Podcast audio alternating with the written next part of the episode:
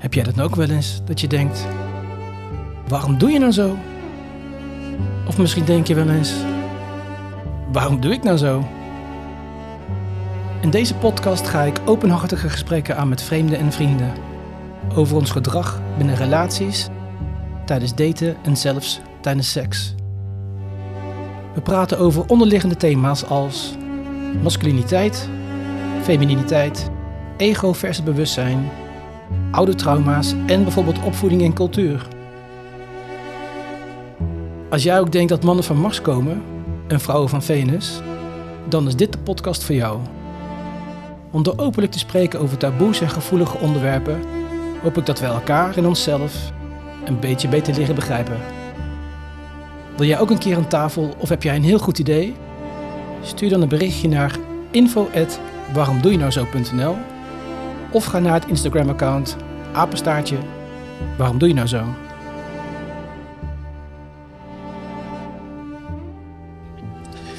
Welkom iedereen bij een nieuwe aflevering van de podcast Waarom doe je nou zo? Ehm, en ik zit hier met een, um, een ex-Tinder-match. ik, Oh, ik, ik stelde net de vraag van, we hadden toch een Tinder-match? En dat klopt inderdaad. Maar dat, dat was ik eigenlijk helemaal al vergeten, want we hebben heel veel andere raakvlakken en interesses die veel meer impact hebben gemaakt dan ehm, die ene Tinder-match. Eh, toch leuk dat ik met je bevriend ben geraakt. Ik zit hier aan tafel met Paula Schreurs. Hoi. Hallo Paula. Hoi. Een kleine introduccie waarom Paula eh, aan eh, tafel zit. Paula is docent op een middelbare school, MAVO, HAVO. Ja, maar VWO. Ja.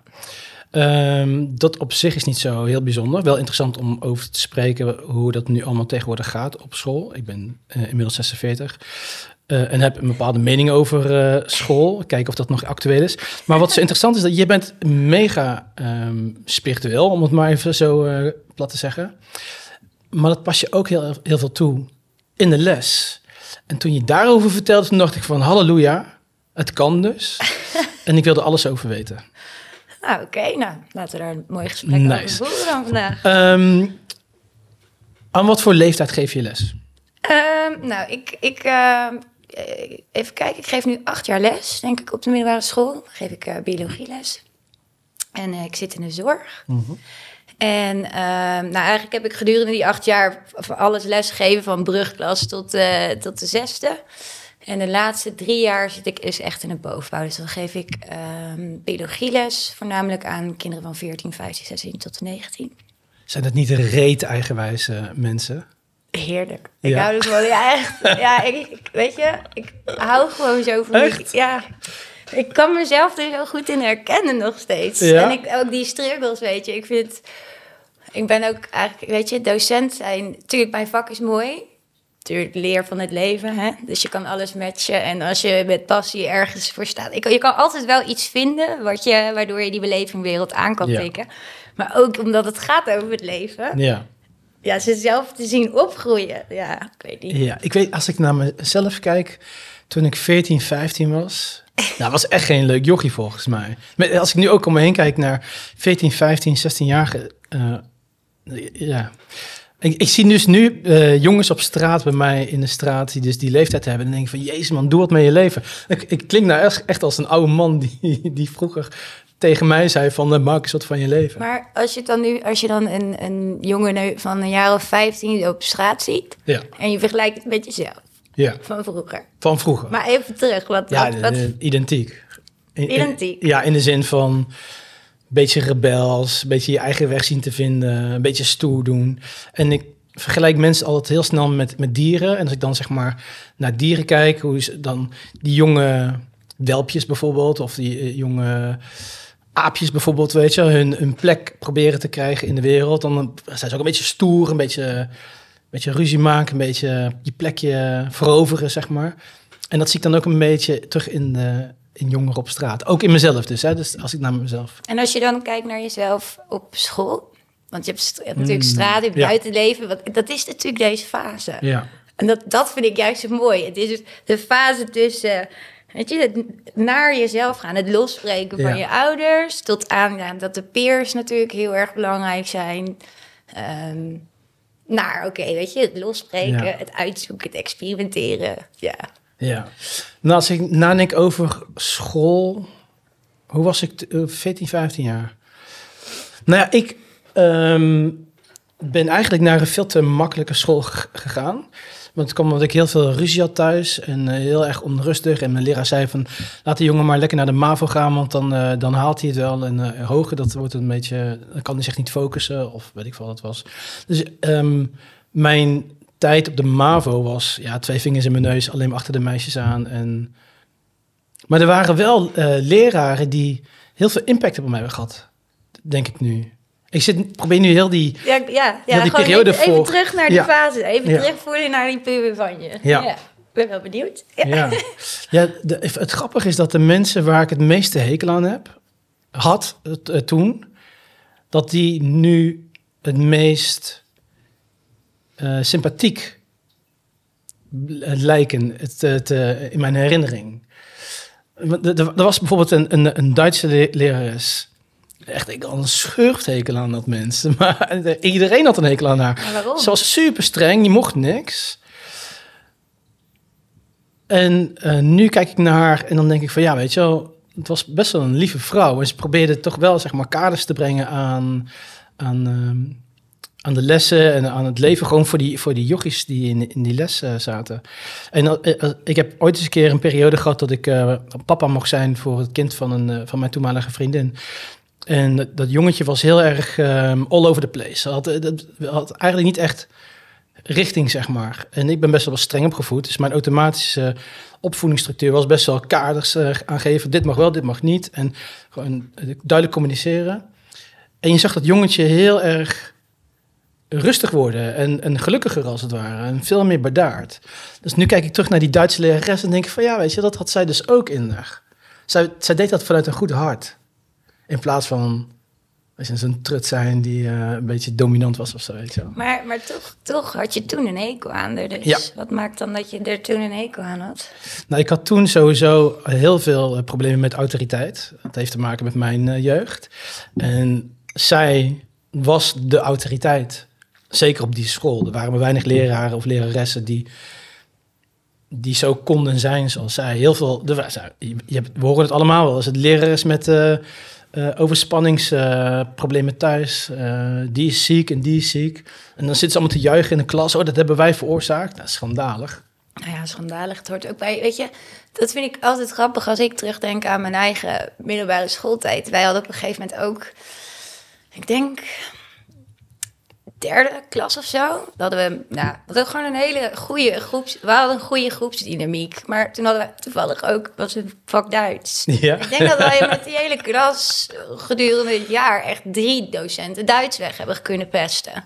Maar kunnen pesten, je zegt het zelf Ja, al, maar hè? ik bedoel, en weet je wat, dat vind ik ook altijd heel erg, heel erg interessant als docent zelf zijn. Wat Ja. ik ook al zei net is, ehm, ja, je voelt het. Dus als je het hebt over docenten, je voelt precies bij wie je wat kan maken. Ja. En, en weet je wa- waar dat grensje ligt, ja of nee. En ja, kinderen ga je uittesten. Het is ook een, als je in de leraaropleiding leert, dan heb je norming, storming fase. Ja, de eerste paar lessen kijken ze je nog schuchter aan en dan gaan ze gewoon vol je Ja? uitproberen. Dus het is heel belangrijk, ook als beginnende docent. Het is ook altijd heel interessant om naar te kijken. Zeg maar, of het sommigen zitten natuurlijk in. Ik denk dat ik wel gezegend ben dat ik dat wel redelijk natuurlijk heb mogen eh, ja, ontwikkelen. Dus als ik terugkijk naar ja, het moment dat ik voor de klas kwam, dat ik voelde, oh, ja, dit, dit kan ik gewoon Ja? of zo. Ja, maar dat is dan iets natuurlijks of zo. Ja, ja, ja. Natuurlijk autoriteit. Ja, maar heel erg grounded. Ja, ik, ik kan het dus niet helemaal uitleggen. Ik heb dat, ik vorig jaar ook, toen ging ik,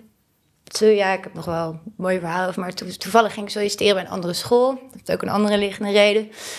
En toen was ik voor het eerst sinds lange tijd een ehm, sollicitatie aan het voorbereiden.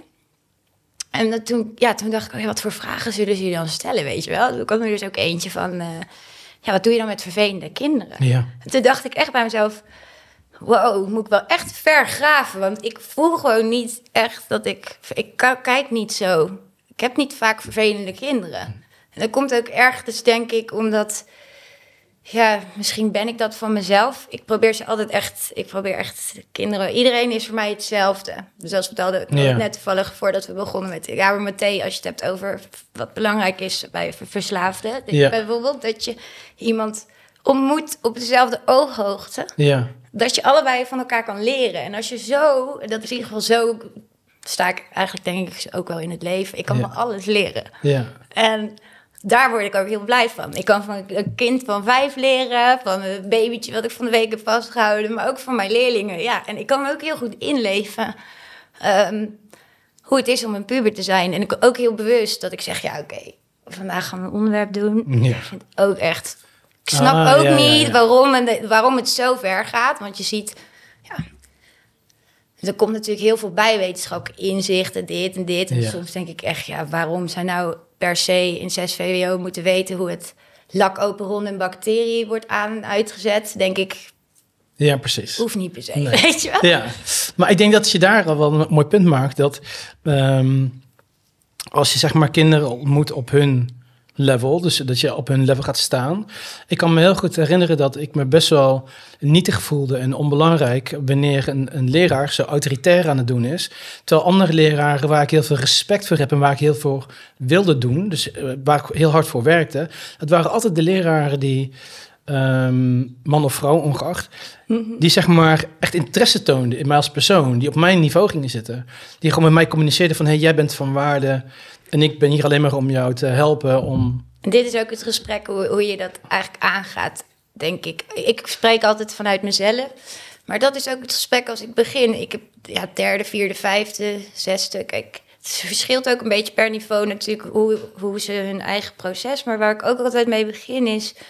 Ja, we doen dit samen. Het is jouw leerproces. Ik kan aanbieden wat ik kan aanbieden. Ja. Over de onderwerpen waar we het over wil hebben. Ik bied iets aan, weet je. Ik geef les met, eh, ja, dat het veel vrij visueel is. Ik geloof heel erg dat je, nou, je hebt verschillende manieren waarop je leert. Hè? Je horen, zien, Ja, schrijven. Ik ben ook echt van En schrijven, schrijf mee. Ja, Ja. maar ook als, ik, als het vrijdagmiddag is, zeg ik altijd... oké, schrijf maar mee. Want ook al ben je moe omdat je meeschrijft... gebruik je die andere hersenhelft. Doe je toch alweer wat. ah, ja. Ehm, en ik, ik wil je helpen, maar ook hierin, je hebt ook een eigen verantwoordelijkheid. Je bent nu ja, 14, 15 en ik geef je huiswerk op. Ik ga af en toe zeker controleren, doe ik absoluut wel. Maar ehm, ik ga ook niet als een politieagent dat elke keer doen. Nee. Want ja, als jij dat niet gaat doen, je moet zelf ook dat leren dat je dat Ja, doet, toch? Ehm, en als ze dus een onvoldoende halen, dan, ik heb ook die moeilijke gesprekken niet heel erg. Omdat ik altijd zeg van ja, weet je, als je iets dus niet begrijpt. Ja, Want dat is ook wat ik je heel, ja, wil levelen. En er is nooit een foute vraag. Geloof ik echt, vind ik echt heel erg belangrijk.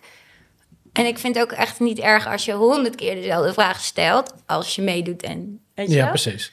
Ja. Maar ehm, ja, als je dus dat gesprek aangaat en dan, komt, dan kom je echt best wel ver. En ook als jij, ik zeg ook van, als jij het niet begrijpt, ik wil je met liefde helpen. Ja. Maar ik vind wel dat je mag leren dat je dat dan komt vragen. Ja. Maar, en, en, en waarom ben jij leraar geworden? Ja, waarom? Ja, grappig. Ik, ehm, dat was eigenlijk nooit mijn intentie. Nee? Nee, ik ehm, wilde eigenlijk altijd arts worden. Oh, Ja, of ja, dat dacht ik te willen. ja. ja. Op welke leeftijd heb je het nu dat je dat denkt? Dat je dus dacht van, dat wil ik worden? Nou ja, ik, ik denk dat ik het vanaf vroeger af aan al had. En dat komt dan met name omdat, ehm, nou ja, kijk, hoe ouder je wordt, hoe meer Hmm. hele de processen je aan bent gegaan. En hoe meer je gaat inzien, wat is nou van mij? Wat, wat, en weet je wel, welke overtuigingen waren nou van mij? Welke zijn er eigenlijk onbewust op je geprojecteerd? En, Ja, ja, ja, ja. Maar ja, mijn vader is eh, ook arts. Of ook arts, die is net met pensioen. Maar Grappig Ja. hoe het werkt, hè? Ja, echt, zo werkt het echt. Ja, maar ik heb dat. Ik, ik haak even in, want ik vind het zo interessant. Ehm, ik ben de laatste tijd eh, veel bezig over authenticiteit, zoals je Ja. gezien hebt. En ehm, heel vaak kom ik mensen tegen die de vraag stellen van. ehm, hoe kom ik erachter wat, dat ik weet wat ik wil? Want ik weet niet wat ik wil. Ik zit eigenlijk op een baan waar ik al twintig jaar zit en ik doe het helemaal goed. En ik heb auto van de zaak, ik heb een mooi huis. Maar ik ben niet echt gelukkig. Of ik zit in een relatie en we hebben alles, maar ik ben niet echt gelukkig in een relatie. En dan ehm, is het. Ik nodig ze dan uit om op zo- zoek te gaan naar hun authentieke ik. En heel veel mensen denken dat ze heel authentiek zijn als ze heel eerlijk zijn. Als ze zeggen, nou, ik wil heel graag dokter worden of arts. Dus ik ben daarvoor gegaan. En dan zijn ze arts, of dan zijn ze dokter, of dan zijn ze, noem maar op wat voor vak. En dan zijn ze daar en dan hebben ze niet de voldoening. En zeg jij, je bent wel heel eerlijk geweest over wat je wilde, maar je authentieke ik is zeg maar dat ongeconditioneerde. En als je dus kijkt naar waar je vandaan komt, net zoals dat jij nu uitlegt. Mijn vader is arts, dus ik dacht, ik wil het ook worden en dan ga je dat pad volgen. Hetzelfde geldt, was je het geworden, heb je al die studie gedaan, ben je tien jaar of twintig jaar in het vak. En dan denk je van, ja, maar dit is het niet, hoe kan dat nou? Omdat je inderdaad, zoals je zegt, heel eerlijk bent over wat je wilt, maar je echte authentieke ik is niet, is dat, dat is het ongeconditioneerde. Dus niet wat jouw vader of wat je omgeving jou heeft meegegeven. Ja, en dat vind ik ook heel bijzonder, hoe meer je dan in die route zit. Want kijk, dit is natuurlijk ook een van de dingen wat ik heel graag wil brengen. Ik zou het heel tof vinden als er meer ruimte komt in onderwijs Ja. om kinderen te laten. Want hoe kom je hierbij? Door echt te voelen. Ja, Eh, te leren voelen, niet vanuit het hoofd, maar echt voelen. Ja. En als je dan hebt over bijvoorbeeld, ja, ook gewoon, ik geloof dat dat heel erg start bij het bewust worden van. ja, Dus, nou ja, dat heb je dan waarschijnlijk ook zelf wel. Je hebt je overtuigingen, je hebt introjecties. Ehm, weet je wel, dat, want tot en met zeven zijn kinderen natuurlijk hartstikke open. Nou, dan komen er bepaalde introjecties. Dan heb je daar wel eens van over gehoord? nee, ik ben heel, heel benieuwd. Dus nou, je overtuiging is wat je dan in je inlegt van jezelf, van ik ben zo. En introjectie is wat dan, weet je wel, vanuit ouders onbewust op kinderen wordt geprojecteerd. Dus als jij zegt, nou, ja, Jantje, ja, die is altijd gewoon, eh, ja, die is altijd een beetje lekker gek. Of Ja. Jantje, ja, Ja. die is niet zo slim, maar hij is wel heel gezellig. Nou, Ja. eh, zo'n, als kind pik je dat blijkbaar energetisch ook deels op. Plus, en dan krijgen we ook nog nummer drie, dat is gewoon je, de epigenetica. Dus welk deel je genetisch meekrijgt. En ook daarin, ik vind dat ook zo wonderlijk en interessant. Ja. Ook, ook om hem in biologie over te hebben. Van, eh, nou, hoe erg, ja, hoeveel gecompliceerder het allemaal is. Ja, het is ja, zo ja, erg ja, ja, gecompliceerder, maar ook weer mooi. Het is zo'n mooie magische reis eigenlijk, het leven. Ja, oké, maar we gaan even terug, want jij was ehm, jong meisje, papa is arts. Op dat moment jij denkt van, nou, dat wil ik ook. Want papa is, is was papa je, je held? Nou, ja, absoluut. Ja, Ja, ja, dat is, ja. Ja, ja, Ik kan het niet anders zeggen. En Ja, het was mooi ook, en achteraf eigenlijk ook wel, dat is, heb ik dan later echt ingezien. Voor mij was het ook de manier van connectie. Ik, werd, Hmm. ik had het gevoel dat ik echt, dat hij me zag op het moment dat ik ze zei dat ik dat wilde, wilde doen. tuurlijk. Maar zie dat hier begint al, zeg maar, de dingen, hè? Ja. De conditionering. Als ik dit doe, krijg ik liefde. Als ik dit doe, word ik Ja. gezien. Als ik dit doe, word ik geaccepteerd. En dat vind ik dus ook zo mooi waar we het net over hadden. Als je dus weer naar die middelbare schooltijd gaat. Ja, Wat belangrijk dat gezien en erkend worden. En elke essentie, hè, voor kind zo aan tot aan puber. En juist in die, ook in die pubertijd, het gezien en erkend worden. En dat is ook waar ik het met mijn leerlingen... Ik weet, dit vind ik ook heel mooi, als ik met mijn leerlingen daar ook over praat. In de, de trainingen die ik dan nu eh, heb gegeven afgelopen jaar. Want het is niet biologie. Maar wat je ook zei met die liefdestaal. Ik heb daar zoveel, ontzettend veel aan gehad om dingen te leren begrijpen. De relatie tussen mij en mijn ouders. Ja. Maar ook gewoon, ja, tussen mensen die je leert kennen, je vrienden. En dan ik denk, als je zoiets leert op de middelbare school over die liefdestalen Ja. bijvoorbeeld. En je leert vragen Ja. hoe, wat je nodig Ja. hebt. Goud- waard, ja, maar, oh, en, ook de en die vraag ook, heb ik ook met meiden over. Vooral nu, eh, nou, ik, ik ben mentor van 6 VWO. Ze zijn natuurlijk heel erg bezig met vervolgopleidingen. Al die loting dingen. Nou, als je ziet, vroeger was het al heftig. ja. Wat je moet laten zien om zo'n vervolgstudie te kunnen doen.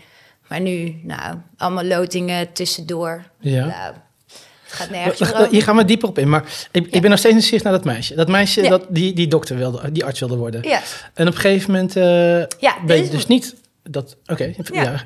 ja, het meisje wat arts wilde worden. Ja, dat had ik dus echt gewoon blind, tunnelvisie. Wel, eigenlijk tunnelvisie Ja. echt, hè? Dus, eh, nou ja, profiel gekozen. Want dat was er nog net, volgens mij. Ja. Ja, natuur en gezondheid, natuurkunde erbij. Al die vakken waren niet echt helemaal wat ik... Ja, biologie was ik goed in, scheikunde ook wel. Maar toen, en nu komt dat, die missie weer een beetje terug. Ik had extreme faalangst. ja. Heel je perfectionistisch. waar dat vandaan komt? Ehm, nou, gewoon, ja, ik weet niet precies waar het, ja, een, een, ik ben het niet waard, terug, teruggereleveerd. Maar als, je- als papa jouw held is, dan, is het, dan ligt het dan ergens anders? Nou, het, het wel was vooral het niet gezien worden Door? je vader. Door je vader? Ja, en, dan, en waar ik dan heel erg, wat ik dan heb geleerd door die liefdestalen, is dat wij een hele andere manier hebben van liefde Ah, uiten. Kijk dan, hoe mooi. Ja, Maar ja, dat wel echt heel anders. Wow, wacht even. Hier wil ik even induiken, want dit is echt heel bijzonder. Want normaal gesproken, als ik met een cliënt in gesprek ben over uh, het trauma niet gezien worden of alleen zijn, onveiligheid, dan is er heel vaak inderdaad een, een, een, een, een duidelijke actie van de wederpartij, dus van, van de vader, van de moeder of uh, een vriendin of wat dan ook, die dus daadwerkelijk of altijd aan het werk was of altijd niet aanwezig was of meer interesse had voor het broertje in plaats van voor jou, want die speelde sport en jij niet, bla bla bla, allemaal redenen. Maar nu hebben we het over dat papa wel liefde voor je had, maar een hele andere taal sprak. Ja, een hele andere liefdestaal. Ja. Heeft ook niet geleerd, denk Of ja, het, dat is ook iets wat je dan gedurende jaren leert. Hè? Op het moment dat je echt leert om ook je te kunnen verplaatsen in de ander, dan kan je het meer leren begrijpen. En nou ja, daar mijn leven, leven mijn hele pad heeft dat voor mhm. gezorgd dat, dat, dat ik langzaam één voor één erachter kwam. Ja. Uh, ook als je teruggaat naar familiegeschiedenis en, en de baan die hij heeft uh, gehad heel lang. Um, ja, dan kan hij heel erg, hij kon heel erg aanwezig en heel sterk zijn in, in het, in het nou, wat, wat hij doet. Ja. Wat deed als werk. Ja. Wat echt heel nou, heftige baan is eigenlijk.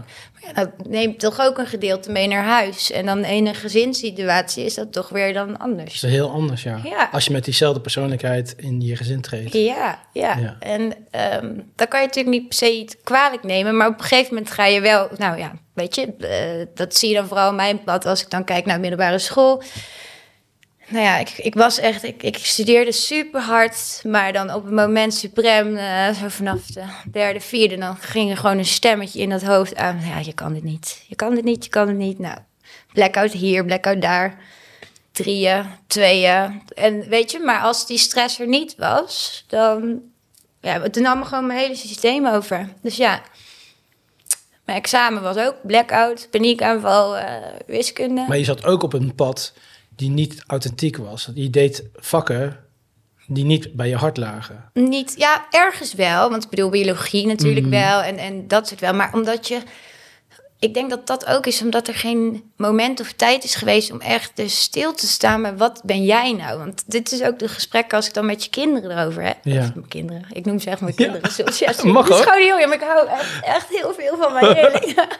uh, dan denk ik, doe je dit voor je... Dit zijn de vragen, Ja. Is dit wat jij wil? Of is dit wat je zelf wil? Dus die vraag stellen. En ik vind dat ook heel erg mooi. Bijvoorbeeld, en ook gewoon van, ja, moet dat een opleiding zijn? Ik, hou ook, ik had ook laatst een jongen die zegt, ja, ik wil gewoon timmerman worden, maar echt volledig. En dan voel je zijn energie erbij. Ja, en denk ik, wat prachtig, dat ik het nu al weet. En dat op elk van dit soort gebieden, weet je wel. Over misschien je, maar er is ook zoveel bijgekomen. Maar juist echt ervoor stilstaan, echt op die leeftijd even mogen stilstaan. Wat, ja, wat is uit. Maar alleen die vraag die jij dan al stelt als leraar, of als docent, ik, ik, leraar is misschien heel oud woord. Maar hoe had jij dat toen je, toen je op de middelbare school zat? Hoe ging dat voor jou? Dan wist je ook al wat je wilde doen. Nee, ik, man. Ik dacht wat ik wist. Ik nee, ik wist het echt niet. Het is zelfs zo dat um, uh, mijn vader, die zei van, uh, ga maar gewoon naar de MEAO, want daar heb je wat aan, econo economie interesseerde mij helemaal geen fuck, man. Maar ja, dat, dat was dus ehm, wat in het gezin uh, eigenlijk een soort van voor mij bepaald werd. En toen zei de moeder van mijn stiefmoeder... We, we, we liepen toen op, op, uh, op schoolplein met broeken waarvan de pijpen opengeknepen uh, werden. Dus de zijkant was een stukje opengeknepen, geknipt, sorry. En dan was een stukje stof ertussen genaaid. Dat had ik dus ook gedaan.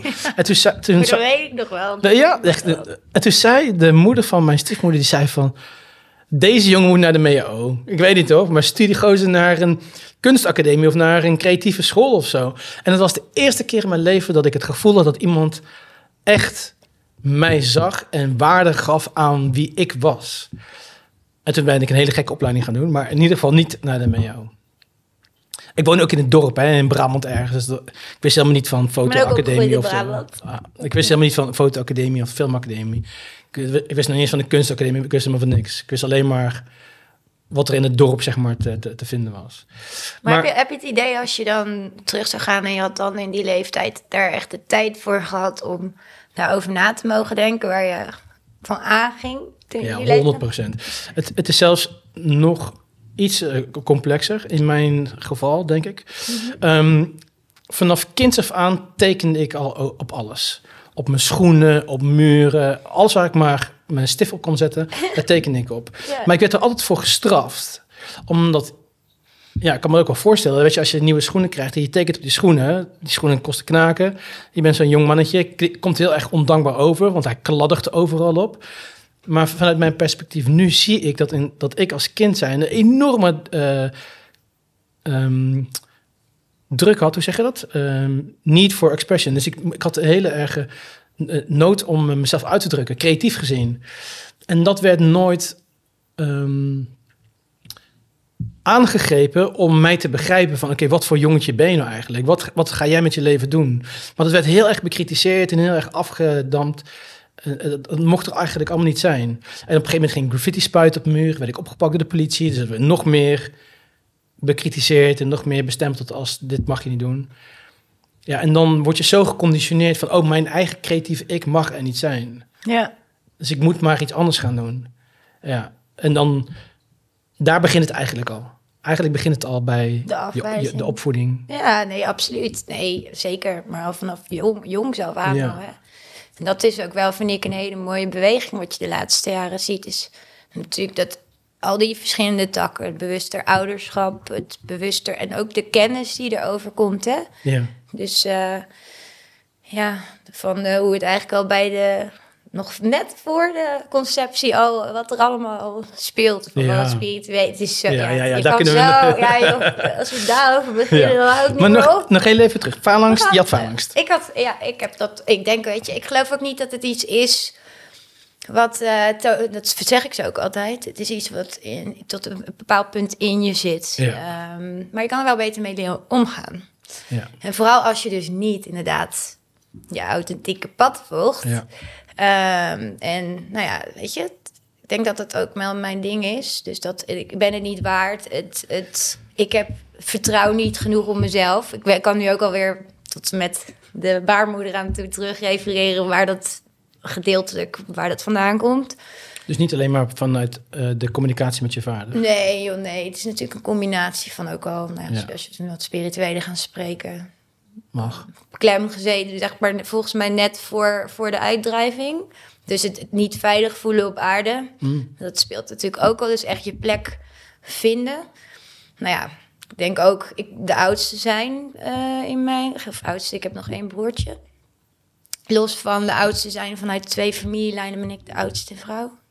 Als je kijkt naar de generaties. Dus ik weet niet, ook dat speelt mee.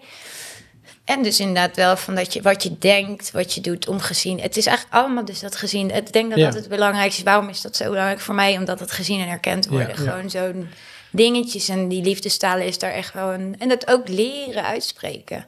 Maar ja, ook, ook het falen en dat falen, weet je, het ook mogen inzien. Ik vind falen, dat is meteen zo'n negatieve associatie. Dus ik denk dat dat ook zo'n belangrijk ding is. Is dat, dat brengt je, maakt je ook wel sterker. Ja, En nou ja, ik ben toen op, weet ik, twee tienden gezakt. Iedereen was geslaagd. Mijn broertje deed HAVO-examen, ik VWO. Ik op één tiende gezakt, hij geslaagd. En het was ook zo sneu, want iedereen die zei ook van... ik gun. Iedereen zag ook hoe hard ik mijn Ja. best deed. En nou ja, weet je, jezelf naar, toch naar die examenuitslag slepen... omdat ik er voor mijn vriendinnen wilde zijn. Ja. Terwijl je eigenlijk best wel kapot ging van binnen. Mijn opa was echt overleden in die week. En, en het mocht, het weet je, dat denkt, mag ook echt zo zijn. ja. Maar daarom kan ik nu ook denk ik wel heel sterk. Ik had ook vorig jaar een mentorleerling die dan, weet je, op 1 tiende of net niet de gemiddelde haalt. Ik kan wel wel echt vanuit mijn hart er zijn voor haar. ja. En eh, nou ja, dan wil je geneeskunde doen natuurlijk. Dus ik heb een jaar daarna, wat heb ik gedaan? Een beetje gewerkt en eh, certificaten gehaald. Want ik had echt buiten die profielvakken allemaal achter. En eh, nou ja, word je uit. Ik ben drie keer uitgeloot voor geneeskunde. Ehm, dus ik heb in de tussentijd, en dan is het ga maar wat anders doen. Dus ik heb eigenlijk gezondheid en leven gestudeerd aan de VU. Dus dat is gezondheidswetenschappen en biomedische wetenschappen. Altijd hou het maar zo breed mogelijk, want dan kan ik alle kanten nog op. Omdat ik geen idee had. Ik dacht alleen maar aan, nou ja, ik denk dat ik arts wil zijn. Dus daar, als, ik alles, als ik dat maar doe, dan kom ik dichterbij. Want dat Ja. zit er weer dichtbij in de buurt of zo. Ja, nou, ja. Weer uitgeloot, weer uitgeloot. Nou, toen op een gegeven moment was het, ga je die bachelors afmaken? Of moest ik een vak niet gaan halen, was met die langstudeerboetes en zo, weet je Ja, dat ja, ja, ja, ja. Nou, toen dacht ik ook, ja, oké, is niet meant to be dan. Dus nou, toen doorgegaan. Want toen dacht ik, ik moet eigenlijk weg. En toen hoorde ik ook, weet je, dat ze zeggen, nou, studeer nou maar gewoon door. Haal maar je master gewoon Ja. eerst. En toen dacht ik, nou, oké. dus een master gedaan, biomedische wetenschap. En ik stond in het lab onderzoek te doen naar eh, vaccinatiemogelijkheden voor malaria. Hm.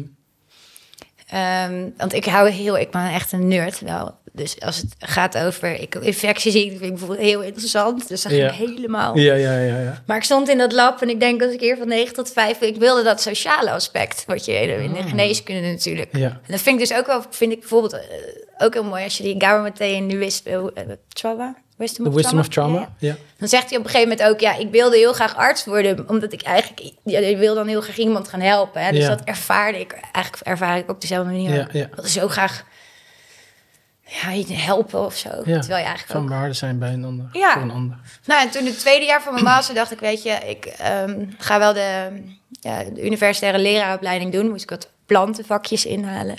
Maar dat, die, die leraarkant, dat was specifiek omdat je behoefte had aan dat menselijk contact in je vakgebied. Ja, dus ik was dus biomedisch aan het doen en dan in dat vakgebied. En toen was er een mogelijkheid om die educa- education master te doen. En ik dacht, ja, dat ligt me dan maar meer dan als ik nog een jaar Ah, zo, moet doen. ja. ja. En toen werd ik, dan word je eigenlijk meteen voor de klas gezet. Oh.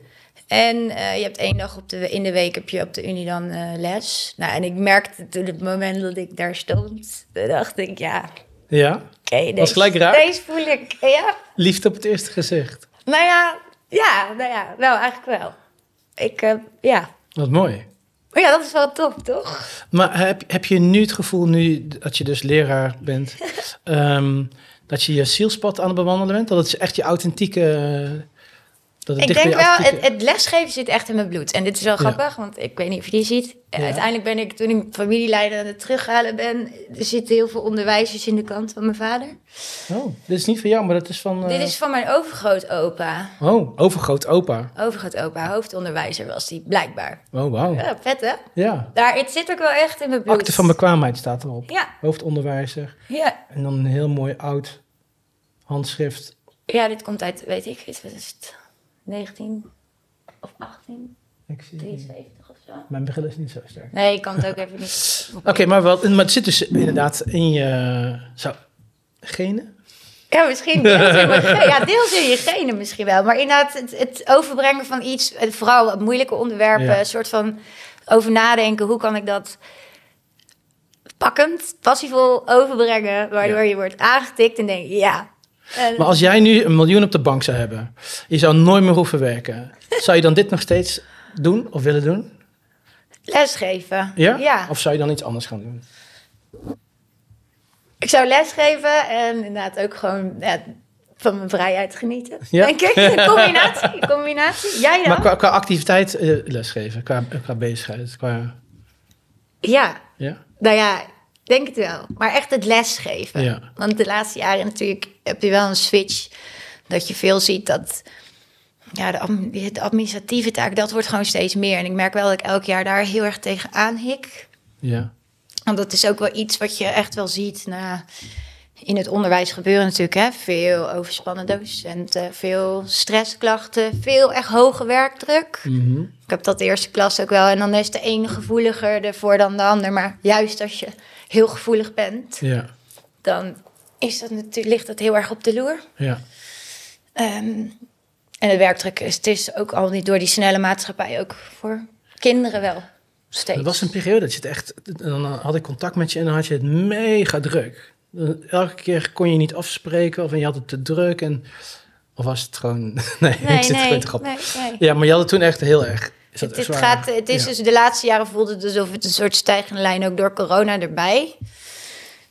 Ja, ik heb ook de laatste weken, dat was echt bizar. Ja. Het is echt Ja. bizar. En je een naar de ander valt om qua bosje. Ik heb ook echt wel weer, ik ben toen in 2017 ja, toen ben ik, eh, ja, ik heb tegen overspannen, tegen, maar niet volledige burn-out. Maar ik heb echt lang met een masker Ja. opgelopen toen ook.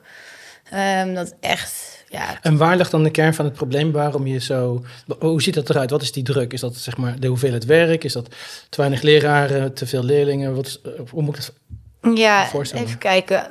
Eh, Zal ik even dat jaar voor beschrijven? Ja, zeker. Oké, ik ehm, werkte toen vijf dagen. En dat is natuurlijk wat je hebt, dat soort dingen, is altijd kom je. Dus mijn relatie was net uit, we woonden samen. Dus ik moest, ging weer eh, op mezelf wonen. En toen dacht ik, oké, maar dan moet ik vijf dagen werken. Maar de beste vraag die ik ooit heb gekregen van een coach toen is... heb je al geaccepteerd dat je zes dagen werkt? Ja, Want het is nooit klaar. ja.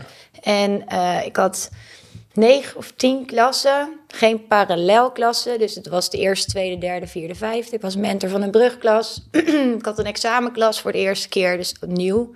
Als je geen parallelklas hebt, heb je dus eh, nou, drie MAVO, eh, vier VWO. Zijn allemaal andere... Nou, wat had ik nog meer? Faalangsttraining gaf ik. Ehm, groep 8, profielwerkstukbegeleiding. Ehm, nou ja, eh, veldwerkweek. Nou, en het zijn allemaal... En dan los van dat je nog les geeft. Ja.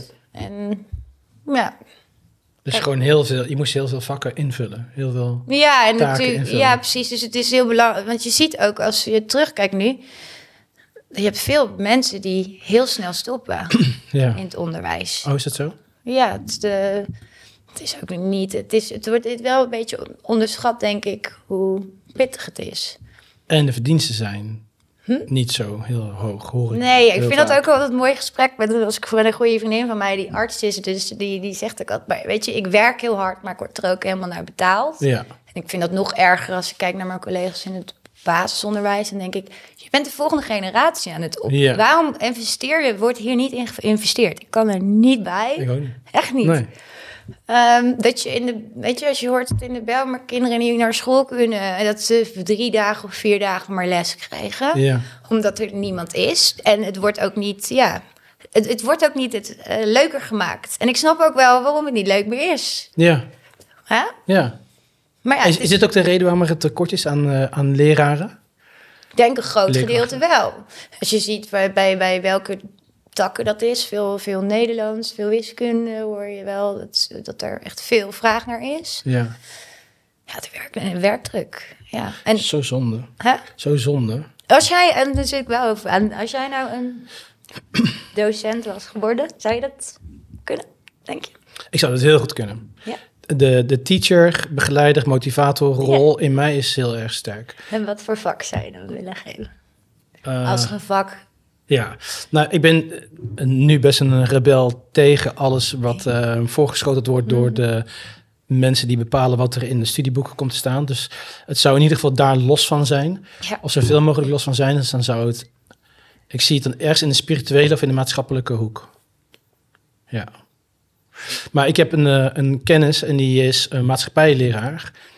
Eh, een jaar geleden had ik eh, regelmatig contact met hem. Wij botsten zo hard, omdat alles waar hij in geloofde... kwam uit die boeken die hij voorgeschoteld kreeg.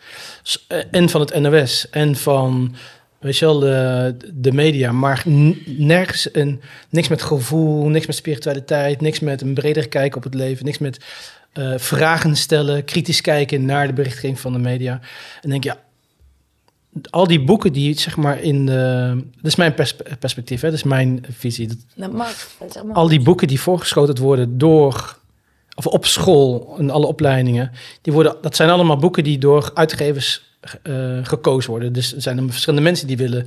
ehm, onderzoeken doen of die hebben iets geschreven... en dan zegt de uitgever, nou deze gaan we uit. Er wordt een curriculum samengesteld. En die mensen die het financieren... die bepalen dus eigenlijk wat de hele generatie van de MAVO en de HAVO in Nederland dan te leren krijgt. En dan denk ik dat is zo'n het is zo'n onbetrouwbare manier om een eh, generatie op te leiden. Want het is volledig bepaald. Kijk maar naar de geschiedenisboeken. is het grootste voorbeeld eh, wat heel duidelijk is. Heel veel geschiedenis van Nederland wordt gewoon eigenlijk een soort van aan de kant geschoven. En, heel veel mooie dingen. Er is ook de, de, de in Amsterdam heb je de, is het nou, de, de, de puntje, puntje Heldenwijk. De, de scheepshelden, eh, Nou ja, er is zo, het, maar het, het, woord helden wordt erin genoemd. Maar dat zijn allemaal eh scheepsvaartlui die niks anders gedaan hebben dan landen geroofd en die gewoon pi- piraten waren. Maar zo worden ze niet zeg maar bestempeld. In de geschiedenisboeken staan, nou, dat zijn onze helden. De- kijk naar het Maar het, is VOC. wel, het is wel mooi inderdaad dat, dat die switches door alle... Want dat vind ik wel een hele mooie eh, ontwikkeling. Is weet je, er komen wel, als je dan bijvoorbeeld, als we het over dit onderwerp hebben, de VOC, dat je nu bijvoorbeeld eh, series hebt als De Oost, waar Ja. dan wel eventjes weer Ja. wat meer wordt belicht. Ja. En ik denk dat buiten dat boek kunnen Ja. parallele Ja, dingen die blij, maar het, het, het lastige blijft en daarom is dat onderwijssysteem. Ja, ik voel ook aan alles, weet je, dat ik loopt al lang voor geen meter meer. Het is heel erg ratio, weinig gevoel. Ja. Wat is nou uiteindelijk belangrijk? Moeten ze al die vakken per se doen? Eh, weet je, elke school kan dat wel weer net iets anders indelen, maar uiteindelijk, weet je, of je nou naar een vrije school gaat of je op een reguliere school zit, uiteindelijk staat het stomme, of stomme. Ja. Landelijke eindexamen. hè? Mijn Ja. leerlingen hebben dat dan de dertiende, dus over te- twee weken. Ja, het staat gewoon biologie. Dan heb je een, en, en, en dan heb je de ene school heeft een online omgeving, de andere heeft. Nou, wij hebben bepaalde boeken, dan heb je weer andere. Maar je hebt wel een soort van dat moeten ze kunnen en kennen. Ja. Dus zolang dat vaststaat, en daarom was de laatste ja, twee jaar, het is echt wel pittig. Heb je twee jaar corona gehad en ze hebben Ja. best veel gemist, twee jaar Ja. lang. Online onderwijs was echt. pff. We hebben, er, we hebben gegroeid met de riemen die we hebben. We hebben het wel redelijk oké gedaan, maar ja, die druk neemt wel toe. En die examen, ja, ze mogen nu dit jaar wel een, ehm, net als vorig jaar, gelukkig, want daar zijn we ook echt een petitie voor gestart. Ehm, de, een duim erop leggen.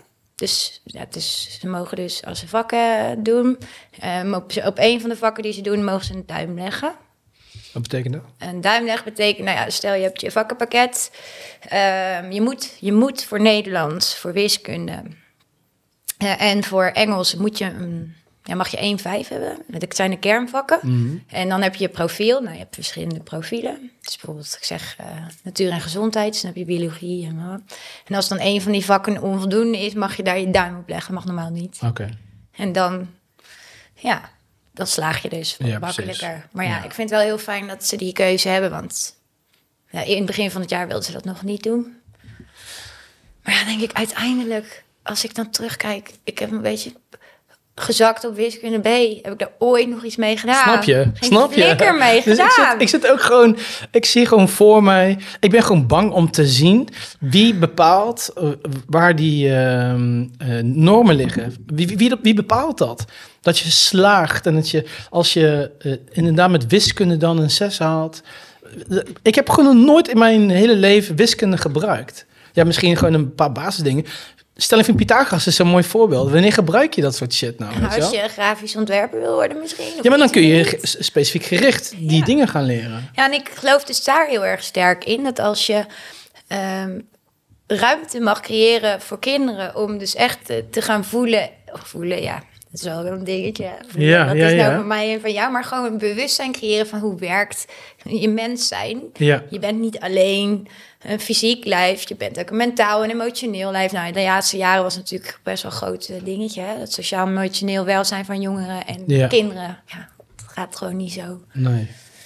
Niet bij iedereen even goed. Wat niet gek is, door de snelle maatschappij. Veel meer eenzaamheid, veel meer games. Maar jij past het wel toe in jouw lessen. Meer het gevoel, een zelfspiritualiteit. Ja, daar kijk, weet je, in mijn biologieprogramma heb ik daar dus niet super veel tijd voor. Maar ik heb wel altijd heel erg de vrijheid als in, we moeten een programma over krijgen en hoe ik het doe. Dat... Maar ik heb ook altijd, ik vind het heel belangrijk, omdat voor mij is het contact heel belangrijk. Ja. Dus gewoon als ze binnenkomen en ik voel gewoon meteen of er, weet je welke les ze ervoor. Als ze druk binnenkomen, dan vraag ik wel, wat heb je dan weer voor gehad? En dan als ze dan twee uur stil hebben moeten zitten, ja, dan weet ik dat Ja, ze gewoon. die energie moet, laat ik eh, dat even. Maar dat komt omdat ik het zelf voel, weet Ja. je wel. Ehm, ja, ik heb wel dan nu, omdat ik zelf dus die examenstressreductie, heel lange naam. Maar eigenlijk gaat het om kinderen die dus, eh, nou, een beetje faalangstig zijn voor examens of... eh, nou, dat ik die zelf mocht geven. En toen heb ik wel echt aangegeven van... ik wil het dan ook mogen doen zoals ik het voel dat ik het wil doen. Ja. En ik, ik geef ook wel een vrij intuïtief les hoor. Ja? Het is mijn manier. Ja. Dus ook met mijn biologie. Ik geef acht jaar al biologie. Dus op zich weet ik wel redelijk welk onderwerp er komen. Maar ik toen op het moment dat ik in en denk ik, oh, dat filmpje is vet. Dat gaat over hoe bomen kunnen praten met elkaar onder de grond. En, Ja, ja, ja. dan kan ik er helemaal los op gaan. Ja, ja, ja, ja. Maar je trekt ook kaarten in de, in de les, eh, liet je te straks zien. Spirituele kaarten? Nou, ik, ik, wat ik heb gedaan, en dit vond ik ook wel grappig. Tijdens corona natuurlijk, ik voel alles. Dus je moet voorstellen, ik weet niet hoe het bij jou is, maar... Maar leg, wacht, luisteraars die kennen jou niet. Jij Oh, voelt sorry. alles. Waarom voel je alles? Wat, wat is, misschien even wat meer Nou ja, hoe dat in elkaar zit dan bij jou. Hoe het in elkaar zit. Ja, nou ja. Want jij bent, ik, we hebben nu besproken, je bent die lerares geworden. Een beetje- Je, je, je was, eh, eerst wilde je arts worden. Dat was gewoon een conditionering of een soort van beïnvloeding van papa. Ja. Faalangst, want ja, je hebt je eigen dingetjes. Op een gegeven moment kom je op je pad, je wordt leraar. En je staat voor de les en je denkt van, nou, dit is het. Ik ben helemaal thuis. En dan verlies je het door die overspannenheid. Dat was ook echt pittig. Dat, dat je, weet je wel, dat je om door, door die druk, nou, helemaal vervalt. En dat je dus echt, nou, ik moest, maar ik ben ook iemand die zo perfectionistisch is, Mm. een bepaald ding. Ik moest, ik moest keihard tegen die muur aan. Ja. Helemaal. Mijn lijf, ik moest leren luisteren naar mijn lijf. En sinds dat moment is dat plezier wel weer teruggekomen. Mm. Ehm, maar eh, ja, waar gingen we? Ja, maar ik wilde. Ja. Dus je, je stond voor de, voor de les, voor, Ja. de, voor de klas. Nou, op een gegeven moment kom je tegen de muur aan. Ik zie dus heel duidelijk van je hebt weerstand nodig om naar iets toe te groeien. Op een gegeven moment groei je dus meer naar het voelen. Ja. Je, en we begonnen eigenlijk al dat je een heel spiritueel persoon bent. En die twee dingen wil ik nu zeg maar bij elkaar zien. Dus ik, ik zie dat meisje dus die voor de klas staat. Maar wat is, het, wat is daarachter? Wat is dat, waar komt dat gevoelen, dat voelen vandaan? Ik denk dat ik altijd al heel gevoelig ben geweest. Mm. Ehm, voor alles om Ehm, Als kind al? Als, als, als jong meisje al? als jong meisje al. En wat ik wel grappig vind, want als ik naar jouw vorige podcast, dan heb je dat, dat, dat je. Ik, ik moet er heel goed over nadenken. Als ik over mijn kindheid bijvoorbeeld, dan heb ik Mm. niet. Ik ben niet heel erg dat ik daar heel veel over weet nog. Ik heb het gevoel dat ik daar best wel veel van onbewust heb verdrukt of zo. Ehm, Waar dus ook die faalangst ergens in verborgen... Ja, ik denk dat dat, want dat is natuurlijk wat je wel vaker ook wel mag, mag horen, is dat als je dingen ziet, bijvoorbeeld dat je als kind dan dus dingen gaat blokkeren Zeker. onbewust. Ja. Eh, en ik ben dus echt wel, ja, echt heel gevoelig. Dus als je het hebt over die verschillende kanten. Ik heb ook, ben ook intuïtief kindercoach tegenwoordig. Oh. Energetisch, energetisch. Maar wat, eh, ja, dus dat je dat helder voelend, helder wetend. eh, De mediamieke talenten. Mediamieke talenten. Ja, ik heb dus wel dat ik echt, eh, nou ja, een sfeer in een ruimte meteen voel. Mm, En, en heldervoelend. heldervoelend, helder, hoe noem je dat, empathisch. En Helder ehm, wat hebben we dan nog meer? Ja, helderziend is, Ja, ik ben helderziend. ja, Je hebt heldervoelend, helderwetend. Ehm, helderhorend, helderhorend. En dan zei jij dat er nog hel- helder empathisch? Ja, je hebt ook nog helderproevend. Helderproevend? Dat kan je ook nog hebben. Ja, ja, al je, het heeft eigenlijk gewoon met je zintuigen. En Mm. dan, ja. Ja, er zit een nuance in, eh in eh, heldervoelend zijn en helder empathisch. Dus dat is dat je bij de ander het voelt. Of bij jezelf. Ja, en ehm, nou ja, dat is. Ja, hoe meer je bezig gaat met je, met je eigen ontwikkeling, denk ik. Ook hoe Ja. meer trauma's je aankijkt, of trauma's, hoe meer eh, trauma's je aankijkt, dingen doorwerkt, eh, studies doet, leest. Weet je, hoe dichter je bij je eigen kern komt. Ja. Ehm, Was het parallel aan de hele periode van kind naar lerares? Of was het zeg maar in de laatste periode dat je al lerares was? Dat de dus- laatste periode is het echt steeds meer, heeft het steeds meer Ja. embodiment gekregen. Dus En kwam dat door dat je tegen die muur aan eh, liep? Dat je Dat dus is, eh, daar meer... ja, daarvoor was ik natuurlijk, ik was dan altijd ook wel heel empathisch en gevoelig. Maar Ja. ik was niet, ja, als we het dan hebben over spiritueel of Ja, niet, de- ik zat niet heel erg in die tak. Ik, ik kwam echt natuurlijk uit de diehard wetenschappelijke, Yes. Eh, ja, uit die, die tak Het eigenlijk. artsenhoekje, zeg maar.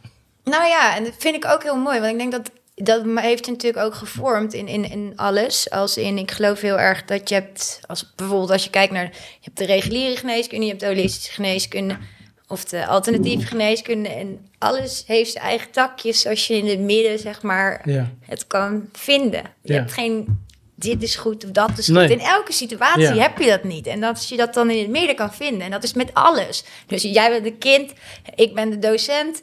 Dit is wat er bij jou speelt, dit is wat er bij mij speelt. Dus als we vanuit ons eigen gevoel leren praten... dan kunnen we elkaar altijd in het midden ontmoeten. Ja. Dat vind ik dus ook heel mooi als docent.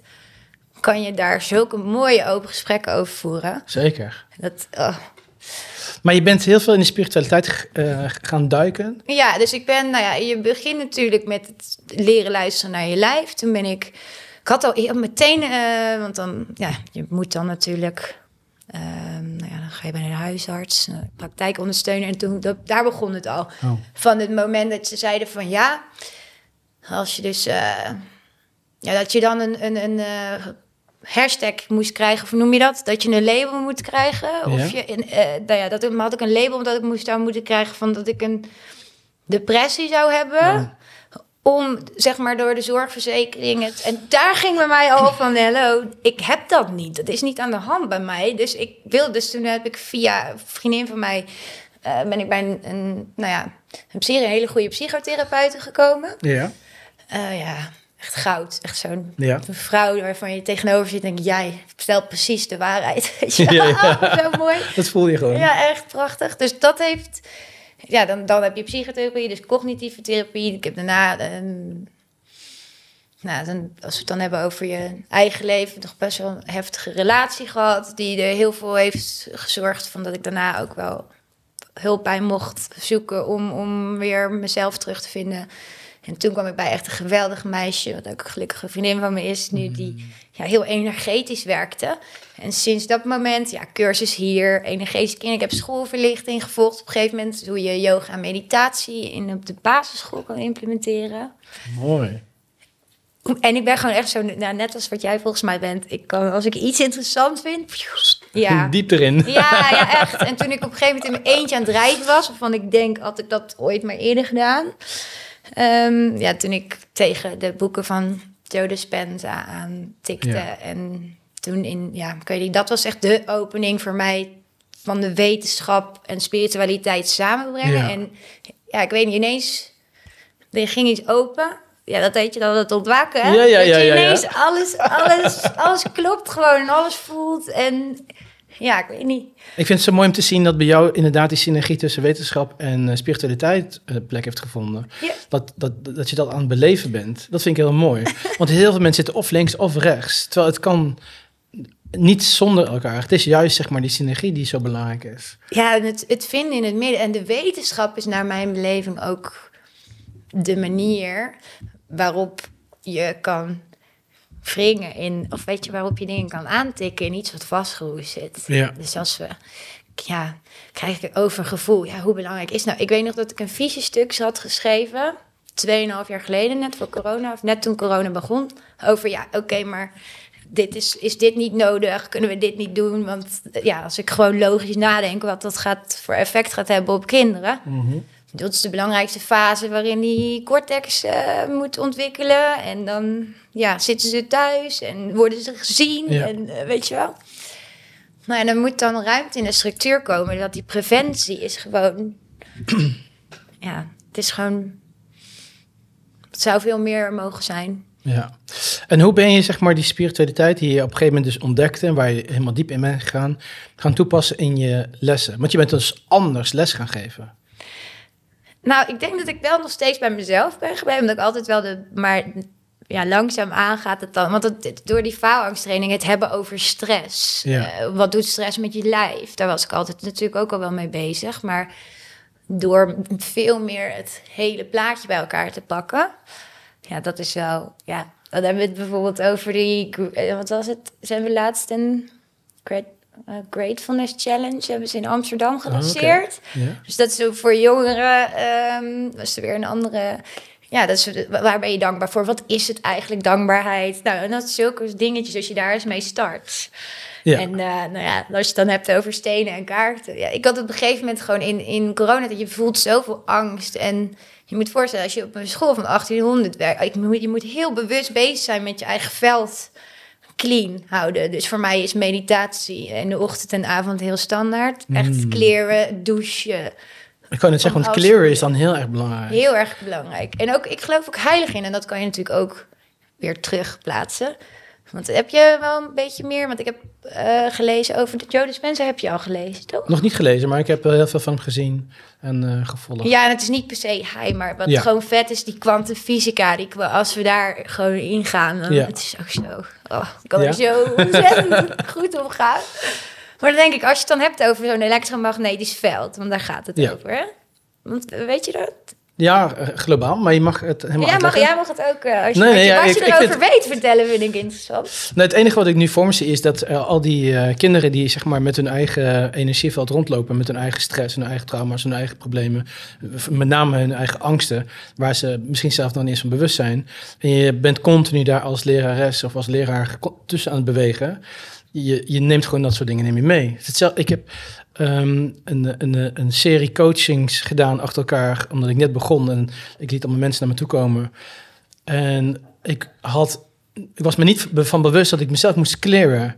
Stom, eh, ik, ik, ja, ik wist het wel, maar ik deed het gewoon niet. Misschien gewoon enthousiasme of zo. En toen heb ik een keer rapé gedaan. En toen heb ik daar drie uur lang van liggen kotsen, omdat al die shit eruit kwam. En ik zei nog tegen mezelf, dit is niet van mij, dit is niet van mij. Hoe kan het nou? Hoe kan het nou dat ik van rapé zo drie uur lang, letterlijk non-stop drie uur lang aan het kotsen ben? En ehm, iets zei van, dit is niet voor jou, dit is niet voor jou, dit is van anderen. En toen het een beetje bedaard, toen dacht ik van, oh, dat, is, dat is gewoon al die energie van al die coachings die ik gedaan heb, die ik maar niet gekleerd heb. En als jij dan het getal 1800 noemt, waar je de hele dag in beweegt, dan denk ik, my god, beter je elke dag wel. Want Maar dat zijn ook dingen die je één voor één... Want daarom denk je, als je gewoon gevoelig bent... Dat zijn dingen die... Maar als je dus nog niet bewust bent... Ja. heb je dat niet zo in de gaten. Maar dan, je kan dat allemaal weer ook weer op verschillen. Want je hebt het in de psychologie... noemen we het wat zijn energiegevers... en wat zijn energienemers. Het is ook weer je woordkeuze. De een Ja. noemt het meditatie... de ander noemt het aandacht. Het, het- ja, ja, ja. is de woordkeuze heel erg ook. Maar ja, clear is belangrijk, maar opladen ook. Dus Mm. ja, je kan met een Paulus Zonte stikje erdoor. Maar als je die energie weghaalt, moet je ook weer wat moois terugbrengen. Oh ja. En ook als je het hebt over... Ja, daarom vind ik die kwantumfysica zo interessant. Is dat nou, gemeten is natuurlijk dat je die hartcoherentie hebt. Dus je hebt je brein, je, hart, je, ja, je hersengolven. En je hebt je hart, die ook een eigen frequentie heeft. En dan tussen de polsslagen zit een heel kleine marge. En daar kan je dus mee meten wat, hoe je autonome zenuwstelsel aanstaat. Oh. Weet je autonome Ja, zenuwstelsel? nee, vertel. Je bent, ben niet zo in thuis. Biogele. Ja, ik ben, dat vind ik heel interessant. Nou ja, autonome zenuwstelsel werd vroeger altijd dus gedacht van autonoom, automatisch. Zit de basis zit in je hersenstam. En dat is eigenlijk vanuit je zenuw die niet langs het rug, door de ruggenmerg heen gaat, sturen die eigenlijk al je organen aan. Dus Ja. je hebt, dat heet een dubbele innervering. Dus je, her- je hebt je hart en dan heb je één zenuw. Ehm, die zorgt ervoor, als die gaat vuren, zeg maar, zorgt ervoor dat je hart sneller gaat kloppen. Dat heet je orthosympathische deel. En dan heb je die ander, Ehm, die gaat aan op het moment dat je rustiger moet. En dat, ja, het is het mooiste als dat in balans is. En in onze huidige maatschappij zie je dus dat ja, de orthosympathische deel veel, veel heftiger aanstaat. Ook op momenten dat die stressor niet zo hoog is. Oh. Dus ja, het is hartstikke fijn dat wij eh, een vecht-vlucht vermijdreactie hebben in een eh vetgevaarlijke situatie. Ja. Als er een tijger binnenkomt, dat, ik, ja, dat er wat Ja, gebeurt. ja. Hartstikke fijn. Maar als dat gewoon is van ik zit hier en ik heb een toets en dat gaat al aan. Ja, precies. Dus dat in balans brengen. Wat heel vet is, is dat je hebt dus nu een instituut, het heet HartMed Instituut.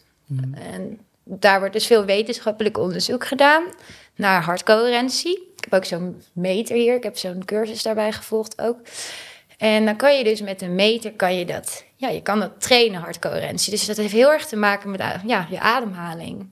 Nou, en je hebt dus als je verschillende takken, als je kijkt naar zo'n Wim Hof, Ja. die heeft ook echt gigantisch aan mogen tonen dat je heel veel invloed op je eigen autonome zenuwstelsel ja, ja, ja. En als je dat zelf weet door ademhaling, kou, dat is bij hem hè, ademhaling, meditatie, kou, ja, hoe je dat zelfhelend vermogen aanzet.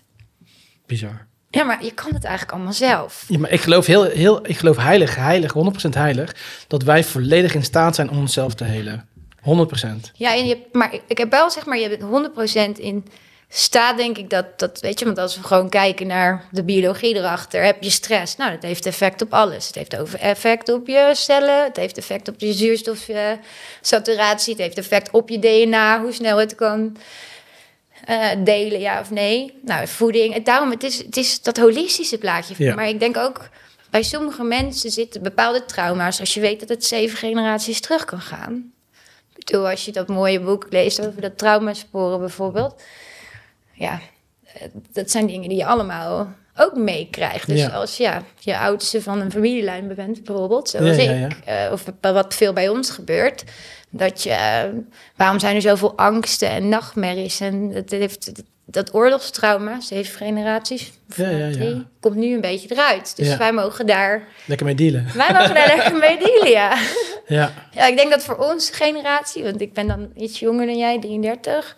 Als wij bewust bezig zijn met naar onszelf kijken ja. en kijken wat wij kunnen helen. Je ziet dat er heel veel kinderen nu al worden geboren met hoger bewustzijn. Hè? Dus die helpen ons al.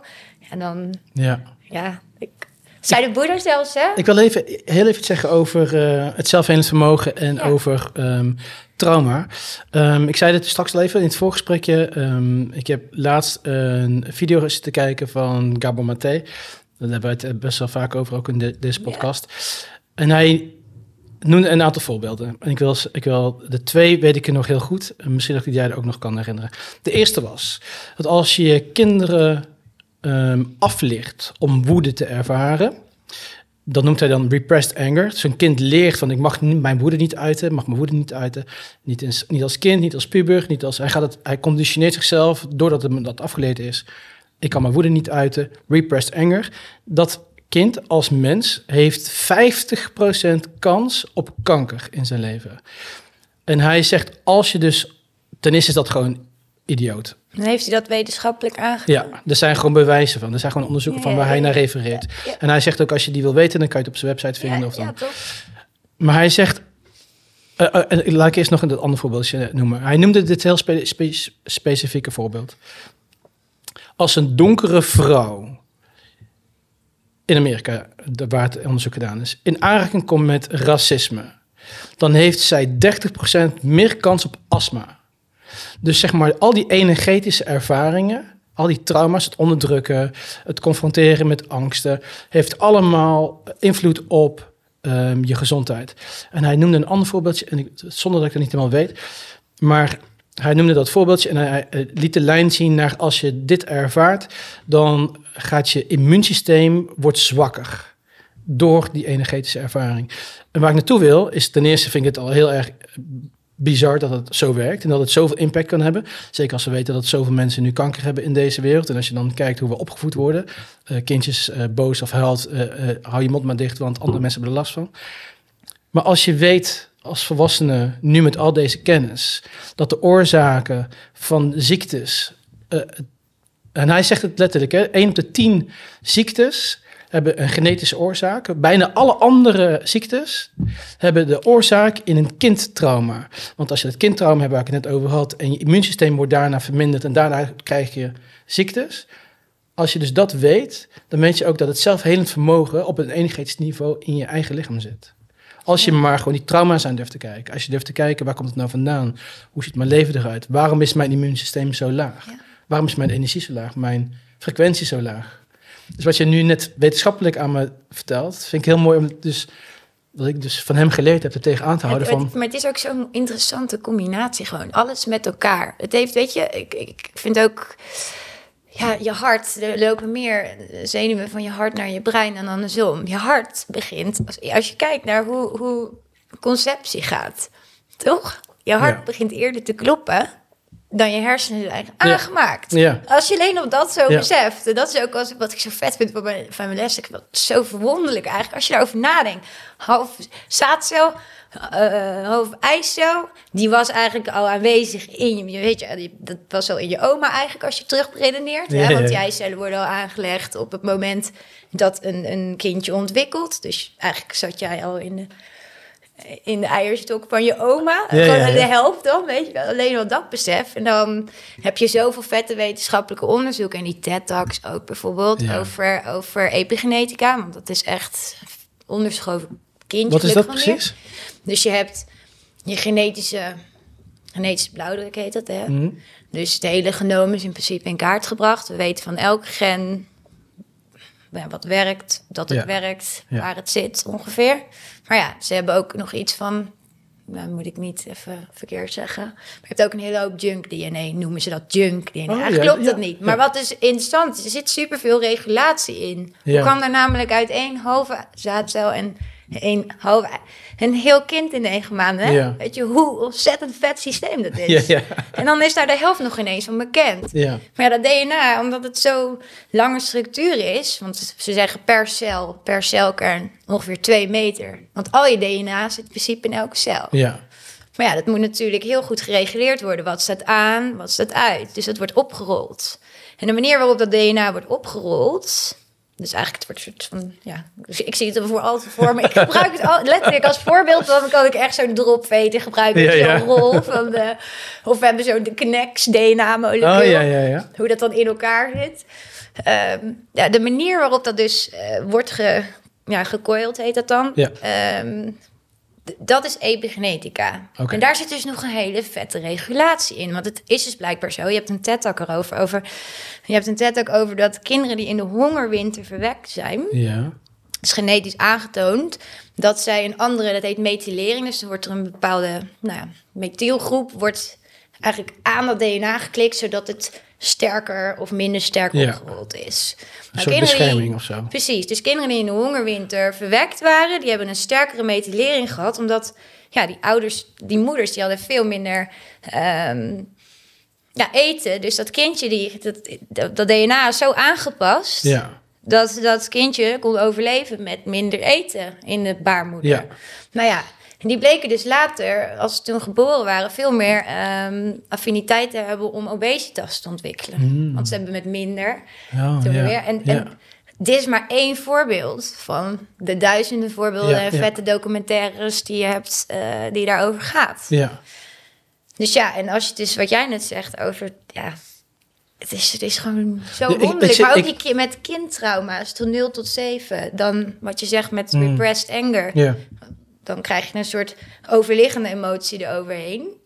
En ze zeggen toch ook dat ze om de zeven jaar het weer terugkomt. Dus Ja. je puberteit is, dan wordt weer aangetikt dat er ook in je kindtijd weer Ja. waar overheen is gestapt. Ja. En het blijft terugkomen, dat thema, totdat er Tot naar gekeken oplost, wordt. ja. Ja. En wat ik heel interessant vind om dat nu even een spiraal stukje aan te tippen, want je- daar, daar zijn wij allebei heel erg van. Ehm, we, eh, ik denk dat we allebei eh, geloven dat ehm, je manifesteert continu eh, je eigen trauma's om, ze om ervoor te zorgen dat je ze aan kan kijken. Dus ehm, een, go- een goed voorbeeld is in mijn leven bijvoorbeeld. Ehm, ik voelde me onveilig als, als eh, kind zijn in mijn gezinssituatie. En ik eh, manifesteerde continu relaties waarin ik me onveilig voelde. Dus ik, kreeg elke keer een vriendin, of ze ging vreemd, of ze stond half in de relatie, of ze wist niet wat ze wilde. Maar elke keer voelde ik me onveilig in die relatie. En dat is mijn manifestatie om het trauma aan te kijken. Oké, ergens zit onveiligheid, ik moet die onveiligheid aankijken. En toen ik dat gedaan heb, toen kreeg ik in één keer een vriendin die zei van ik wil volledig voor je gaan. Maar als een kind op Neem mij als voorbeeld. Als ik op eh, jong, jonge leeftijd, jong mannetje van twee jaar, moeder vertrekt. eh, op tien jaar krijg ik ruzie met mijn stiefmoeder. Op mijn achttiende word ik uitgezet door mijn eh, vader. Als ik als kind zijnde dat manifesteer, dan zegt mijn hele systeem dat ik dat trauma dus mee heb genomen uit een vorig leven, waarin ik dat daar niet heb aangekeken. In plaats van wat wij heel, wat heel veel mensen denken, een kindje komt helemaal schoon op, op, de, op aarde, traumaloos, maar, en heeft een ervaring in zijn eerste zeven jaar. En heeft dus een trauma ontwikkeld wat, wat hij dus aan gaat kijken in dit leven. Maar als het hele principe klopt, je manifesteert je buitenwereld, je manifesteert je eigen ervaring, je manifesteert je eigen eh, werkelijkheid en dus ook je eigen trauma's, dan neem je dat dus mee uit je vorige levens. En dan is dus de vraag, en eigenlijk doet Robert Bridgman dus, dit dus de hele tijd. Hij zegt, jouw trauma's, die komen ergens vandaan. En als het, als het trauma al te herkennen is in je eerste zeven jaar, dan is de kans 99% dat het in je vorige leven zit. Dus gaat hij daar naartoe, Naar vorige leven. naar vorige levens. Ja. Heb je, heb je daar veel... eh, veel mee, mee, meegemaakt. Nou, het grappige is, en hier ben ik de afgelopen week een beetje mee bezig geweest. eh, zonder dat ik daar met mensen over gesproken is de eerste keer dat ik het zeg. Mhm.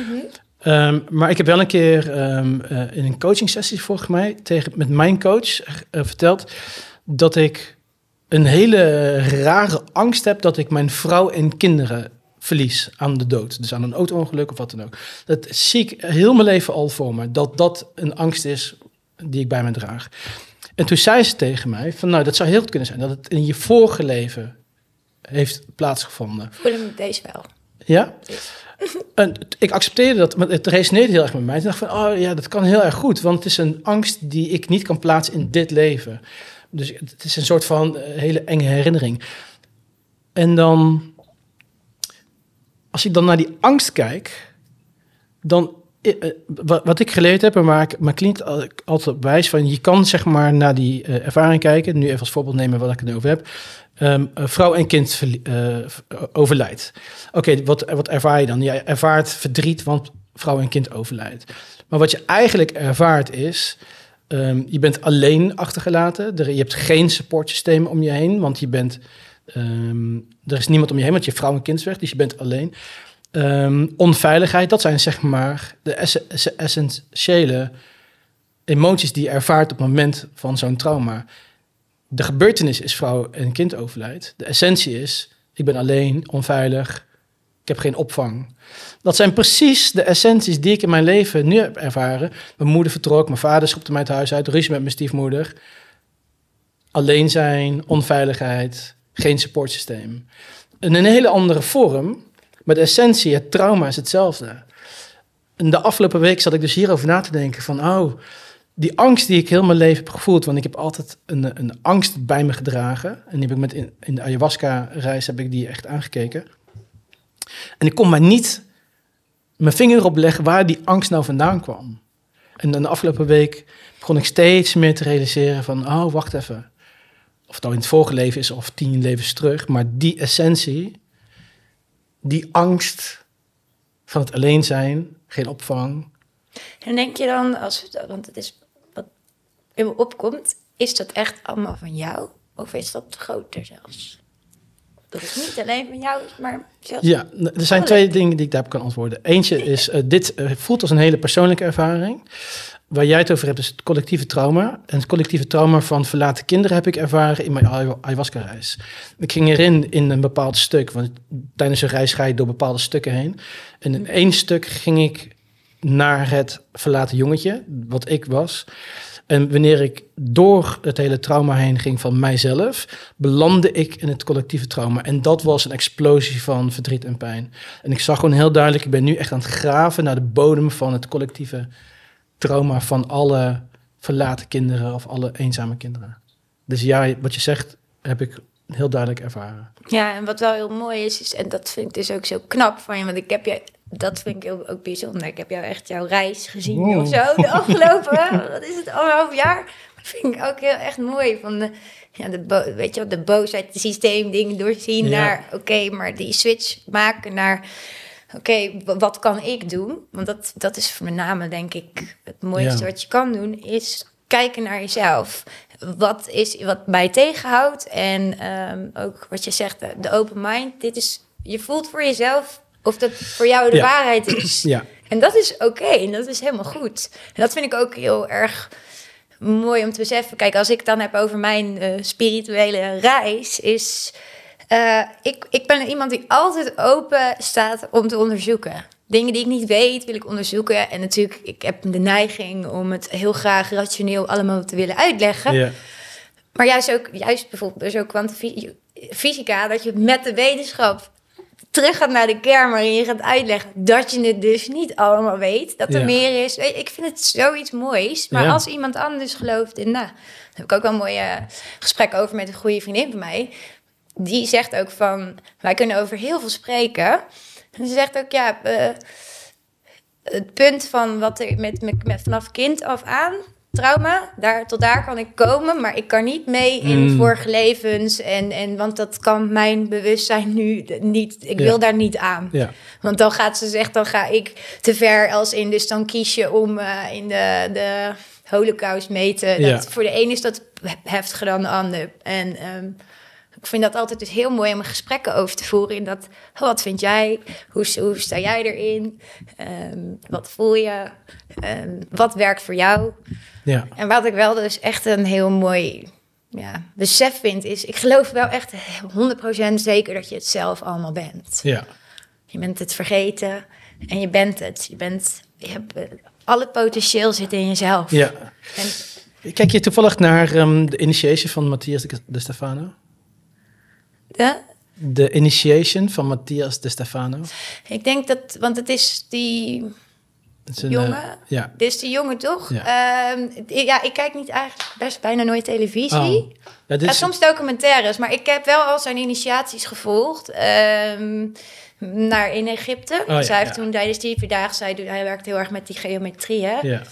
En die poort en Atlantis. En ja, Ja. ik resoneer daar ook wel heel goed mee. Maar wat hij vertelt, en dit is best wel ehm, heftig om ehm, in te duiken en het eh, je eigen te maken. Maar als het je lukt, dan... pff, bij mij ging echt een, een, ehm, een, Uh-huh. een wereld ging open. Maar hij legt ten eerste, in de eerste aflevering legt hij uit eh, het ontstaan van het, eh, het universum. Ja. En hij legt uit het tweede dimensie, derde dimensie, vijfde tot en met de negende. Tot en, en- met de 22 e Ja, hij legt dan tot, tot negen uit. En hij vertelt dan, op een gegeven moment volgens mij, in de zesde dimensie leer je om je eigen universum te creëren. En op het moment dat je je eigen universum creëert, en dat is dus eigenlijk wat wij nu hier aan het doen zijn, zonder dat we het in de gaten hebben. Wij zijn onderdeel van de creatie van het universum van het ik in de zesde dimensie, alleen die zin al. Wij zijn hier een manifestatie van het universum van het ik in de zesde dimensie. Als je dan gaat realiseren dat, als je daarin duikt, dat ik nu, mijn belevingswereld nu, waar ik nu in zit, jij hier alles, dat is mijn creatie. Dus alles wat ik meemaak in mijn leven, alle mensen, dat is mijn universum. Ik creëer dat. En wat je net zegt, hè, je bent alles, je bent verlichting, je bent 2D, of 3D, je bent onbewust, je bent bewust, je bent jaloers, Je je, je, bent- bent, je je bent bent. alles. Ja. Je bent terug. Wie ben je? Ja. Wie, je Maar bent- alles is wie wij zijn. Maar ja, we zijn natuurlijk hier. We beleven deze wereld. Ja, we zijn geïncarneerd hier in 3D. Gaan Ja. naar 5D. Ja. Gedrag kan je natuurlijk wel heel erg in 5D zitten, denk ik. Ja. Maar we zitten natuurlijk nog steeds wel hier. En dat is wel... We zijn goddelijk eh, geïncarneerd. eh, maar we, mogen, we moeten ook nog hier dus steeds manoeuvreren. Ja. En dan daar een middenweg in vinden. Want natuurlijk, dat, dat denk ik, misschien heb je dat zelf ook wel ervaren. Ik heb momenten dat ik echt helemaal weg, wat ik weg kon zweven. Tot aan momenten, ja, die twee uitersten, hè, dat hele rationele. Tot aan het, nou ja, waarom ben ik hier Ja. eigenlijk? Ik wil eigenlijk liefst daar. Dat je heel erg, ik kan echt dan, Ja. waarom ben ik hier op aarde eigenlijk? Juist om, juist die middenweg. Ja. Hier, dat de bewustwording te mogen brengen. Door ook een Voelt het als heimwee dat je terug wil naar, naar huis? Of terug, ik zeg het al, dat je terug wil naar huis. Ja, ja dat zeg Ja. je liever niks. Ja. Ja. Maar ja, dat is ook... Ik, heb, ik vind het ook als je bijvoorbeeld... Ja, natuurlijk die, die nieuwe tijdskinderen, als je daar naar luistert. Dat vertelde ik je ook al, want ik had die podcast van jou geluisterd ook. Van, Met met Tijn of met Elske? alle- Die heb ik ook, allebei. En dan heb je Melissa. Melissa? Ja. Ja, want ik had al heel veel maanden eerder van haar een podcast... dat ze dus met een nieuw tijdskindje... Oh, met Amy. Ja, Dat meisje van tien. Ja, en dat vind ik, dat voel je ook zo. Ja. Je hebt zoveel kinderen die dat allemaal weten. Ik weet gewoon Ja. dat je, kijk, ik weet dat ik een niet hier Ja. van origine, je Ja. bent multidimensionaal. We Ja. kunnen nog veel verder gaan over. Ja, daar kan niet iedereen in mee natuurlijk. Die, en dat is zo af en toe wel. Ik denk, oké, ik heb dus op een gegeven moment bepaalde keuzes gemaakt in hoe ik het leven wil leven. Ik wil echt, echt leven. Ja. Ik wil gewoon. Dat, Want dat is ook waarom we hier toch zijn. Om het 3D-leven te beleven. Ook al weten we... Ja, absoluut. En ook gewoon het, maar ook, ook echt te leven. Ja. Want dat is soms ook ehm, wat je zo ziet waar mensen zich in zo in kunnen verliezen. In het, ja, ik werk nu bijvoorbeeld, ik ben op een gegeven moment, vorig jaar dacht ik, oké, als ik niet genoeg tijd heb om, om dat in biologielessen te doen, dan ga ik gewoon een dag stoppen om te kunnen, ja, onderwijs te kunnen gaan ontwikkelen. Of in ieder geval de connecties te kunnen gaan maken met mensen die deze visie ook hebben en die ook, weet je wel, eh, zoiets in het onderwijs willen brengen. En natuurlijk, ik heb hele mooie beelden over hoe een nieuwe tijdsonderwijs eruit zou mogen zien, maar we zitten ook nog steeds hier. En het, er zit ook, daarom, mijn missie is echt heel erg in het reguliere systeem. Is het, ja, het, het brengen van elkaar. Het, het, het gesprek kunnen voeren. Ik, maar jij mag jouw ding zeggen, ik mag mijn ding zeggen. En we, kunnen, we laten elkaar luisteren en we respecteren elkaar in elkaars mening. En juist als dat, dat geleerd wordt, dan kan je de moeilijkste gesprekken voeren. Ik met leerlingen, bedoel dat, ook. Ik bedoel, je kan voorstellen dat nou, de coronatijd ook niet altijd even makkelijk was. Voor mij in, in de zin van ja, voelen dat je dat niet wil met, hmm. vanuit iemand die heel erg, uh, nou ja, arts is op de corona-afdeling. En daar elkaar in vinden. Ja, Bedoel, en dat komt omdat je elkaar respecteert en luistert naar elkaar. Um, ideeën uitwisselt. Maar ja, dat echt dat... Verpersoon, ja, noem je dat? Het depersonificeren. Ja. Wat echt een mooie les is, denk ik. Want ja, dat geloof ik ook heel erg. Dat Ikagai heb je ook wel gelezen, denk ik. Dat, Niet gelezen, maar... Maar echt die, die, die wijze lesjes. Ja. Gewoon dat... Oh. Dat wil ik kinderen zo graag meegeven. En, um, maar hoe doe je dat dus nu dan in je, in je les? Hoe, hoe, want ik vind het dus zo... zo ik, heb, ik heb eigenlijk niet zo'n hele hoge pet op van het, uh, het onderwijs. En dus heel, heel veel daarvan zal um, um, vooroordeel zijn en zelfinvulling. Dus daarom ben ik, het heel erg, daarom ben ik heel erg benieuwd naar hoe is het dan? Hoe, eh, ben jij de enige die zeg maar spiritueel wat bijbrengt in de les? Ik denk dat, dat het woord ook, en dat is het vooral, hè, maar het woord. Kijk, als ik, ik zeg ook wel eens voor gein, ik zeg, ja, jullie, jullie weten gewoon dat ik wat zweverig, of maar zweverig, wat versta je er eigenlijk onder? Maar ook weer dat gesprek voeren. Uh, ik ben zeker niet de enige. Ik ben wel, denk ik, iemand die nou ja, door mijn groeten wel echt probeer om bij mezelf te blijven. Doordat ik altijd bij, vanuit mezelf blijf praten. Ja. En ook laat zien van ik beweeg mee, ik luister naar jou. Ehm, en ja, ik, heb, ik moet ook zeggen, laatste periode, laatste twee, drie jaar, ja, ik heb wel echt dingen door. Moet ik wel op een reguliere school blijven werken? Ik werd dus ook weer niet gezien, niet erkend. Dus werd weer die pijn aangetikt bij mij. Mhm. Vooral omdat er gaat gewoon een leeuwhart open als ik voel dat het is met kinderen. Dan ik weet niet, er gebeurt er iets. Maar toen, weet je, dat, dat besef leren van zij mogen deze les ook leren. Dat is waarschijnlijk ook wat ze zelf hebben. Dat, dat daarin en dan ongeduldig zijn. Dingen al eerder, veel eerder zien en voelen. Ja, best wel een interessante strijd. Tot aan, oké, als je me niet ziet, weet je, flikker maar op. Dan ga ik wel ergens anders werken. Tot aan als je daar weer zit, heel erg beseffen wat je hebt. Want ik, ik, ik manoeuvreer er ook altijd heel erg in, in wanneer mag je iets laten komen, tot aan wanneer. Weet je wel? Mm. En wat dus heel mooi is, is dat je zaadjes plant. Als je dat zaadje al plant. Ik kan zo dankbaar zijn ook dan dit jaar. Die trainingen, weet je, want voor met name dit, als we het hierover hebben, is iets waar je voor open moet willen staan, denk ik. Ik denk dat er heel veel, en het is ook als je neurologisch ziet, een hele coole periode, omdat neurale paden super snel in die fase in de puberteit kunnen worden aangemaakt. Mm. Dus jij zit op de juiste plek. Nou ja, ik, ik, denk vooral wat, wat mij heel mooi, wat ik heel mooi vind. Kijk, je hebt natuurlijk bewust ouderschap, prachtig. Echt, ik, ik heb gelukkig heel veel mooie voorbeelden van vrienden en vriendinnen omheen. Waarvan ik denk, wauw, doe je dat goed? Mm, Echt goed. Je ziet zoveel beweging erin. En het is ook heel mooi om te zien, weet je wel. Ook met mijn neefje, als ik hem zo zie wat hij wat brengt, dat kinderen echt de spiegels zijn. Ja. En dan heb je die, nou ja, de, natuurlijk die middenfase van de alle ja, puber zijn. Nou ja, dan denk ik, natuurlijk heb je ouders zijn daar ook heel belangrijk in. Alleen als we gewoon kijken, nou ja, kijk naar, dan zijn peers heel belangrijk. Dus je omgeving is heel mm. belangrijk. Ehm, en ik denk stiekem, dat is van mijn eigen ervaring, dat docenten weet je wel, ook een hele belangrijke rol in die fase kunnen zijn. Omdat, weet je, ik was ook, ik, ik wilde, je bent bezig met sociaal zijn.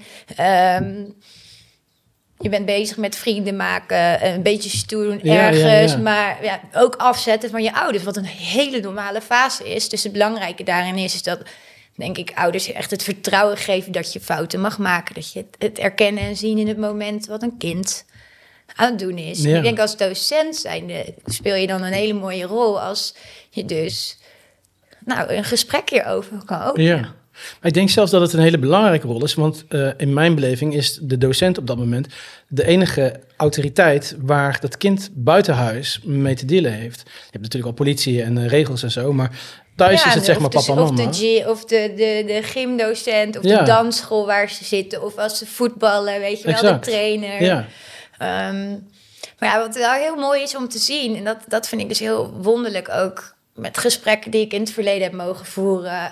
Want ik geef natuurlijk ook seksuele voorlichting. En ik weet nog, toen ik mijn afstuderen, had ik naar seksualiteit in de puberteit, was mijn afstuderen. En toen had ik een lessenserie ontworpen waarbij ja, ze eigenlijk in de, dat je ze verplaatst in de schoenen van. ja, Dus moet je voorstellen als. ja. Nou, en ik weet niet, als mijn hart gaat nog steeds. Ja, dat, dat ik dan zo'n gesprek had en dat zo'n jongetje die, die, die tegen me zei van... Ja, ik mag het niet van mijn geloof, maar als hij, weet je wel, dat zo wil, mijn vriend... Ja, dan, ja, dan ga ik hem daar niet op afwijzen. En, Ja. en dan denk ik, dan heb je het al. Ja. Dat, dat gesprek. En, en dat is het kringetje wat je dan wat je uitstraalt. Want Ja. als, je, als jij vriendinnetjes hebt die, die ook op zo'nzelfde manier denken, bijvoorbeeld. Ja. Ik heb een, ja, van een van beste, mijn beste vriendin, ehm, die is nu een dochter van 15. Als je nou ziet, weet je wel, die zijn alleen maar bezig met tweedehands kleding kopen. Ja. Super vet. Dan Ja. denk ik, ja, tuurlijk, want je bent 15, 16, dus het is fucking belangrijk. Ja, wat voor, oh, sorry. Mag. dat, dat je leuke kleren hebt en zo, maar dat tof maken, dat dat gewoon stoer is en dat, dat, dat je naar de eihallen gaat. En eh, dan denk ik, wauw, daar word ik zo, vind ik, word ik zo ontzettend blij van. En zo dankbaar zijn ook voor dingen. En ja, ik weet niet, dan gaat mijn hart gewoon. Ik vind die seksualiteit heel erg interessant. Ehm, ehm, er zijn nu... ehm, er, er was een serie, Sex Education. Sex education, ja, dat geeft, dat zou ik het liefst eh, en elke eh, iedereen aanraden. Wel, hè? Ja. absoluut. Waar, heel, waar heel, heel erg in duidelijk werd gemaakt hoe ehm sekseduca- sekseducatie eigenlijk tekortschiet op school. En als ze dat buiten de scholen om eigenlijk een beetje aan het invullen zijn door zelf dat in te, in te vullen. Maar hoe, hoe, hoe doe jij dat? Want bijvoorbeeld love language, wat je nou een paar keer genoemd hebt, wat een heel erg belangrijk onderdeel is. Leer je dat bijvoorbeeld eh, tijdens... eh, eh, Nou, ik moet zeggen, dat heb ik echt dan in die, ehm, ja, die trainingen. Want ik heb dus met wat kleinere groepen nu nou, echt op die, die stresstraining gezeten. Maar echt ook van wat wil jij leren? En, en dan echt naar dat. ehm, dat was dus niet, dus niet de biologieles. Ehm, en dan is het ook van, ik zou zo graag willen wat meer van mezelf te houden. Maar dan denk ik, Oh. ja, dan moeten wij even hard de diepte in. Want ik geloof dus ook heel erg in hoe zo'n Joe Dispenza... maar je hebt ook heel veel mooie andere. Je hebt ook een, ja, mijn vrouw in Nederland. dat is best wel... Die vragen stelde ik mezelf vroeger niet, hoor, toen ik eh 15 was. Ja, maar dat is dus de energie die er mag zijn... in de setting die je neerzet samen. Ja. En dat is gewoon echt tof. En op een gegeven moment heb ik dus Maar het ook- bewustzijn dat je dit dat je kunt van jezelf houden. Dat dat er iets is waar je aan kan werken. Dat het iets is waar, aan, waar het aan schort. Eh, voor, voor kinderen die, net als ik, vroeger heel erg faalangst, dan weet je dat. Je weet dat dat bij jezelf deels zit. Dat, dat, je, dat je niet. En, en voor mij, de, voor, voor, vaak voor meisjes, weet je, het is. Je bent aan het vergelijken. En vooral nu, weet je, met al die social media erbij. Het wordt alleen maar moeilijker om niet te vergelijken. Maar het bewustzijn van dat dat aan de hand is. Ja, en als we dan teruggaan naar seks. En die, en, en, en, ja, en die love language. En, eh, Ja, dat heb ik dus, dus daar echt heel erg uitgebreid besproken. ja. Hoe reageer je erop? Het is een super interessant concept. Ja, heel mooi. Maar we waren eerst eigenlijk een beetje diepte ingegaan als in... Nou, weet je, we moeten toch wel even... Ja, dan gaan we even harder het werk doen. Want dan gaan we toch eerst kijken... hoe praat je nou eigenlijk tegen jezelf? Oh, wow. Ja, dat was wel even intens. Maar ik doe dan ook wel... Ik doe dat zelf intuïtief. Dus we hebben ook opstellingen gedaan... als in wat met op je brein staan. Welk Ja. gedeelte, je emotionele brein, hè? Want ik geloof dus ook heel erg...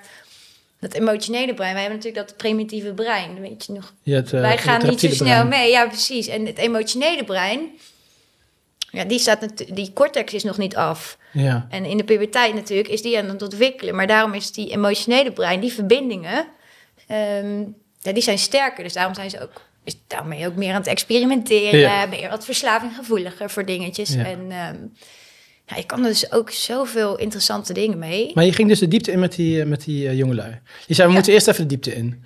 Ja, dus toen hebben we... Hoe praat je tegen jezelf? Ja, dat schrijft het maar eens op. Even hard, eh, eigenlijk. En toen eh, heb ik ze een bepaalde meditatie meegegeven. Meditatie op school. Ik, ik, sta echt... Meegeven voor thuis. Ja, hè, ja, maar ja. ik ben ook heel erg, ik geloof heel erg dat je tools aanbiedt. Je biedt tools aan en je kijkt Doen voor jezelf of het werkt. Eh, nou ja, doen ze het ooit. Ik geef dat ook niet als, als jij het niet doet, dan is het Nee, maar eh, je krijgt feedback hebben dat zeker Ja? gedaan. Ja, en toen heb ik ook nog een mooie samenwerking gehad. Ehm, dat, nou ja, ehm, iemand langskwam op school om eh, echt over ja, manifestatie en over... ehm, Bizar. ja, hoe heet het? Het heet quantum physics. En dat gaat dan over ja, hoe je brein naar voren werkt. Dus hoe, ja, en dan daar gewoon wat meer over te vertellen. En Hoe je dus eigenlijk met mind movies kan werken. En nou, het was echt een vette workshop ook. Dat was ook echt heel erg leuk. Goud, man. Maar het is toch niet op elke school dat ze dit doen? Nee, nee, ja, nee. Maar ik bedoel, dat zou op elke school mogen Ja. niet. Maar jij hebt die ruimte om dat te doen. Ik heb die ruimte zelf gemaakt om dat te doen. Maar iedereen wil toch naar, naar die school toe? Al die ouders willen toch dat hun kinderen naar jou toe gaan dan? Nou ja, dat weet ik niet. Maar naar mij, het gaat niet Ja, om mij. maar, ja, maar naar die les, naar, die, naar, naar Nee, de school is- waar daar ruimte voor is. Ja, nou ja, ik denk dat op andere scholen, kijk, eh, je hebt allemaal verschillende manieren waarop op scholen daarmee om wordt gegaan. Je hebt, oké, dat sociaal-emotioneel welzijn, dat dat, dat, dat er ehm, een rol speelt, dat zie je wel. Je hebt ook wel eh, initiatieven met meer psychologie in het onderwijs brengen of zo. Mm. Maar ik voel gewoon, het is niet alleen, alleen psychologie, maar dat is de eerste stap natuurlijk weer rationeel iets uitleggen. Ja. Ehm, maar ja, ik, ik, ik geloof gewoon dat als je al in alles in gesprek. Ik ben heel open. Ik ben precies hoe ik zo zit, sta ik ook voor de klas. Ja. En ik ben ook iemand als ik ochtends voor de klas en ik zeg ik heb echt super slecht geslapen. Dus mijn lontje is denk ik wel drie keer Dat zeg je van tevoren. Ja, ja, maar dan weet je het. Ja, maar dan weet je ook wat je, wat je Ja. kan verwachten, toch? Ja. Ik maak ook eigenlijk overal wel een grapje van. Ik zie het leven ook als een spel, denk ik. Ja. Ehm, maar wat ik zelf heel erg tegenaan loop is door de examens en dus de, de druk natuurlijk door dat corona. Je komt niet toe aan de dingen waar je het echt over wil hebben in de reguliere les die Ja. En dan, dan heb je wel een mentorles, maar dan ben je altijd ook alle dingetjes aan het regelen. En dan ik, omdat mijn hart er ligt, ik heb het over deze dingen. Ja. Dat weten ze ook Ja. ja. Wat vinden ze daar nou eigenlijk van? Huh? Wat vinden ze daar nou eigenlijk van? Dus, krijg je daar reactie op? Dat mensen dat ze het juist heel leuk vinden? Of dat ze zoiets hebben van, nou, weet je, Nou, ik vind het dus wel heel mooi om te zien hoeveel openheid er over is. Want toen in coronatijd bijvoorbeeld, ehm, merkte ik ook, ik moet mezelf echt beschermen. Dus die dikke clearings deed ik ook. En ik, nou ja, soms stookte ik dan wel ook echt het energetisch reinigen van mijn lokaal begin van de week. En ik neem dan stenen mee die ik invoel, die ik wil gebruiken. En dan vroeg ze het na. En dan... Dus ik al van vier haven zeg Jezus, wat stinkt het hier? Dan zeg ik, ja, sorry man. Maar ja, als, als jij heel je week niet doucht, dan stinkt het wel Ja. een beetje. Maar ja, dat- en dan vroeg ze, waarom heeft hij die steen? Ik ja, dat helpt mij. Ja. Dit helpt mij. Ik, word, eh, ik heb dat nodig, dus het helpt mij. En, dat, omdat, en dan is het ook helemaal goed. Ja. Dat is grappig.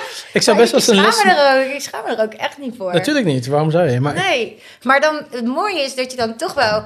Ja, ik heb super mooie gesprekken. Ja? Want je hebt een aantal, je hebt zoveel meiden, je hebt zoveel meiden, jongens ook, die openstaan. Van zo'n jongen die dan op een gegeven moment naar me toe komt zegt... Mevrouw, ik wil toch even uitleggen. Ik denk dat ik misschien wel biologie ga laten vallen. Want Oh. ik weet eigenlijk ja, toch dat ik dat wil gaan doen. En ik wil een tussenjaar. En, en dan zeg ik ook, ik neem het niet meer zo. Ik zeg, wat vet dat je dat weet. Als je gewoon weet dat je dat, als je dat wilt doen, nou, dan is dat toch oké? ja, dat is toch precies. goed? Ja, En ik ga niet zeggen dat dat moet. ja. Maar ik vind het zo tof dat je blijft hangen om me dit uit te leggen. Ja. Of, of meiden die... eh, ja, je ziet natuurlijk ook... Het is ook wel beetje gehype, hyper nu aan het worden. Dus heel veel me- meiden met stenen en kaarten. Oh, meen je? Wel open voor staan. Ik heb ook wel wat meer meiden die ehm, yoga doen. En, Dat is superleuk. eh, oh, ik wij doe ook al heel vaak voor de grap. Als ik het zes uur of zeven uur op vrijdagmiddag... Nou ja, heeft niemand zin meer, toch? Ik Nee. ben denk ik erger dan mijn leerlingen dan. Oké, dan gaan we even wat brain gyms doen. En, eh,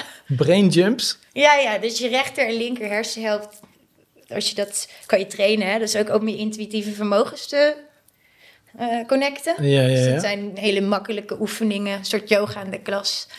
Ja, echt, dat cool. is wel lachen. Maar dan zeggen ze altijd, ah mevrouw, doe eventjes een yoga move. En dan moet ik zeggen, nou, alleen als je met me meedoet. Moet je niet zo'n TikTok eh, beginnen? Dat, Ja. dat zijn van die, van die leraren. Je hebt docenten die dat doen. Ja, maar je hebt ook echt, ik vind het ook heel tof om te zien hoor. Want je hebt ook echt heel veel docenten die wel echt op hele mooie manieren aan het opstaan zijn. Hè? Je hebt natuurlijk, ja, vind ik, vind ik echt ook heel vet om te zien. Ja, toch? Heel erg eh, voor, voor je kansarme jongeren. Als je dan, je hebt natuurlijk die vette documentaire klasse. Ik weet niet of je die ooit gezien hebt. Dat, ik, dat je al 10-0 achter staat als je, als Ja. je in Noord eh, naar de school gaat. Ja. Weet je, het zijn dingen waar we heel bewust mee bezig mogen zijn. Ja. Hoe krijgen we dat dichter bij elkaar? Ja. Ehm, ik vind dat heel mooi om te zien hoe, hoeveel docenten ook hard hebben. Ja, ja, ja. En ik hoop gewoon dat we dat gewoon heel mooi mogen gaan. En dan, en dan zo slecht betaald ook allemaal. Zo weinig eh, ruimte voor ze om te blijven en te groeien en te... Ja, soms, kijk, het is allemaal, ik denk dat dat gedurende, nou, super slecht betaald.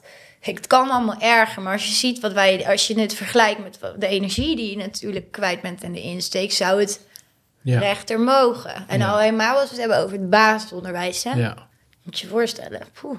ja. Nou, en je hebt gewoon, eh, ja.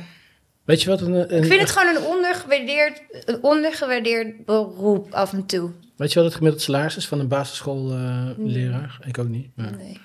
Maar ik ben ook iemand die, ja, daar niet, niet ik, ja, ik, ik leef om rond, rond te komen. Ik bedoel, ik werk nu ook officieel, zeg dan officieel drie dagen, onofficieel vier dagen op school. Ja, Maar het is een bewuste keuze voor mij, omdat ik dacht, ja, ik wil ook gewoon leven. Ik wil een dag, bezig zijn met alles te integreren waar, waar mijn hart sneller van gaat. Connecten met Ja, mensen, man, mooie gesprekken voeren, eh, dingen leren. eh, want Ja. daar word ik blij van. Heb je nog eh, ambities om iets op te zetten? Of iets... Ja, ik ben bezig met twee eh, dames om, om ook inderdaad te kijken. Ik, mijn levensmissie, mag je dat zielsmissie? Hangt vanaf of het heel authentiek is. Heel authentiek. Je ja, mag mijn, alles, ziels, maar- mijn zielsmissie, wat dat weet ik ook nog wel, is... Ja, ik gun gewoon ieder kind Mm. ehm, om zijn ei- eigen authentieke zelf te mogen ervaren. Mm. Als in dat er ruimte komt.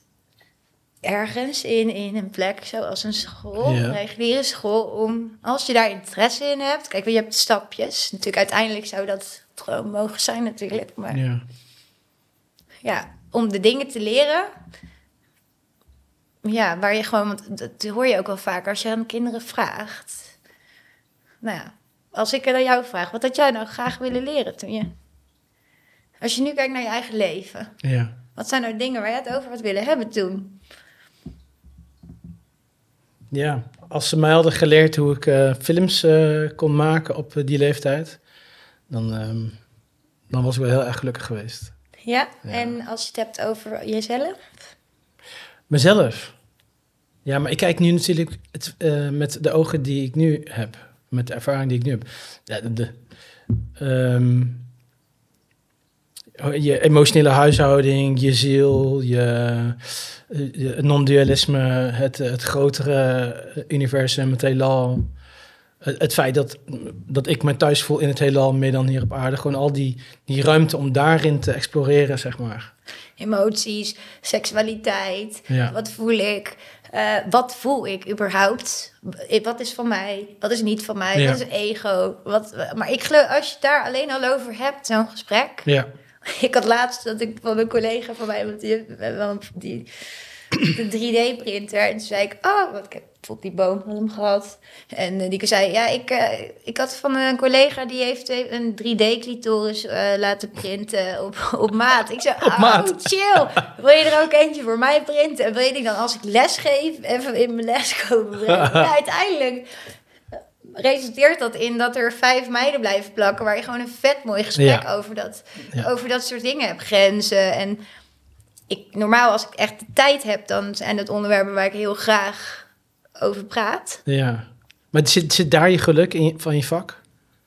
Mijn geluk zit als ik zie dat ik, nou ja, dat kinderen voelen dat ze zichzelf kunnen zijn. Ja, Bij mij. ja. Dat jij die ruimte daarvoor eh, creëert. Dat je ze ziet en herkent. Ja, In het kleine ja. en het grote. Ja. Zie, ja, want dat is uiteindelijk de essentie, hè? Maar dat is in principe eh, eh, je authentieke zielspad. En het is, ehm, wij, ik kan me voorstellen als mensen nu luisteren en denken van, oh ja, maar dat doe je dan toch? Want dat doe je ook. Maar je kunt dat zeg maar verplaatsen in heel veel andere plekken. Maar je zielspad is inderdaad het creëren van een veilige plek waar mensen zichzelf helemaal kunnen zijn, hun authentieke zelf kunnen ervaren. Maar dat kan ook bij een tankstation als je daar werkt, bij wijze van spreken met je Kan het collega's. elk moment. Ja, dus maar het is zo prachtig als je door is- die bril leert kijken van wat je zelf allemaal waard bent. En dat je ook fouten mag maken. Ja. En dat dat falen niet altijd verkeerd is. En eh, gewoon het, het, het- vanuit liefde en vertrouwen naar elkaar kijken. Het is dus terug naar die, die basis. Want ik zei ook rond die coronatijd natuurlijk... je moet voorstellen op zo'n school, mondkapjes... Mm, ik wil gewoon dat mijn klaslokaal een vertrouwde plek is. Waar Ja. je binnenkomt en waar je elkaar naast elkaar kan zitten en elkaar vertrouwt. In plaats van dat je bang bent om Ja, elkaar aan te raken. exact. Want dat is niet ho- hoe wij als mens hier nee. horen te zijn. Nee. En ja, ik zou gewoon graag, en dat, dat, dat lijkt me heel tof ook, daar ben ik hier van mee bezig. Het zou gewoon tof zijn als, als je met kinderen ook over spreekt. Waarom leer je nooit, of waarom heb je nooit op de middelbare school echt over jezelf geleerd? Je hebt natuurlijk, natuurlijk wel verschillende vormen van levensbeschouwing, dat je het hebt over wat is rouw of wat is. Maar Ja. dit soort mooie gesprekken in combinatie met, met ja, kwetsbaarheid of je seksualiteit. Of, of nou ja, als je gewoon eh, vragen hebt. Ik, ik, ik voel bijvoorbeeld bij mij dat ze wel redelijk open durven zijn. Ja. En dan krijg je alles eruit. Weet je? Maar ja, dat is niet. En, en het start natuurlijk groter. Het start bij doc- de docenten. Het start zelfs bij de directeuren van de scholen. Ja. Daar, als daar een beweging is van dit is belangrijk. Want het is natuurlijk ook altijd de vraag, want dat heb ik heel erg teruggekregen op dat visiestuk toen. Is het onze taak? Oh, Ja, maar is dit onze taak? Even, heel hard. Ja. Ik, heb ik er, hebben wij daar, we krijgen geen geld voor? Is het onze taak? ja. Hoe belangrijk is het? Want dat werd niet gezien. Nu zie je al die onderzoeken, wetenschappelijke onderzoeken toch, over Ja. al die jongeren en zelfmoord en depressies. En ja, het, we moeten iets preventiefs gaan doen. En preventiviteit, dat is wel duidelijk. Dat, als je dat echt snapt, dan, dan kan je er geen geld aan verdienen natuurlijk. Nee. En dat is natuurlijk die constante strijd met, Ja. als we het hebben over... Ja. Maar moet je dan, dan, als je, Je, je, maar je, z- je, begint, je zegt nu alweer een beetje waarin ik, waarin ik mee begon over mijn aversie tegen de, eh, het, het scholensysteem, opleidingssysteem. Als de dire- directie al zegt, ja, maar ja, is het onze taak? We verdienen er niks aan, dus doen we het niet. Dat zullen heel veel directies zeggen. En het is niet, en maar die, en dat is ook weer dat verplaatsen in, hè? Dat is wat ik altijd probeer te doen. Als iemand reageert op een bepaalde manier, dan komt dat ook weer van een bepaalde kant af. Dus ik geloof heel erg als je mensen kan laten ervaren hoe het is. Dus wat jij ook heel mooi doet met jouw coachingwerk. Teruggaan naar dat innerlijke. Ik heb ook innerlijk kindwerk werk gedaan met, met, die, met die meiden dan. Ehm, en de wetenschappelijke kant. Maar mensen echt laten ervaren van wat gebeurt er nou als ik echt mag voelen. Ja. Intuïtie of echt naar mijn lichaam mag luisteren. Dat mijn lichaam een richtingaanwijzer is. Nou, ik denk als, als je het ervaart, dan kan je wat, Ja, dan kan Maar, gaan stromen. en, en, maar nodig je ze dan uit, zo'n eh, zo'n directie, om... eh, Ik heb gevraagd toen of ik dat mocht, toen mocht presenteren.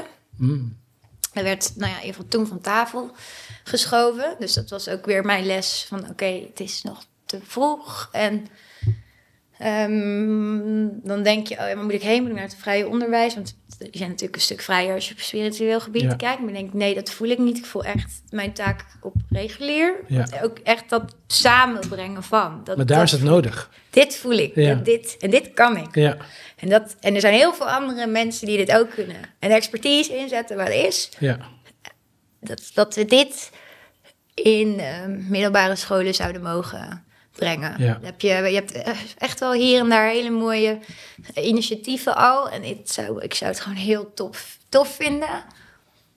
Om dit gewoon heel Nederland.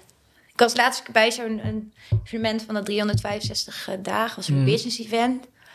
Omdat ik ook dacht van, nou ja, oké, ik ga wel een dag minder werken, want dan ga ik zelf dat onderwijs al maken. Ik schrijf bij de KVK een bedrijfje, maar ik heb niet echt dat ik denk, oh yes, ik wil een eigen bedrijf. Ik wil Nee. gewoon graag Dat. hard gedragen onderwijs geven. Het liefst geven, weet je. Ik hoef Ja. niet helemaal bezig te zijn met, eh, met het bedrijf en eh, geld en administratie en zo. Ik wil gewoon gezeppen voor een klas waar ik dit soort gesprekken mee kan voeren.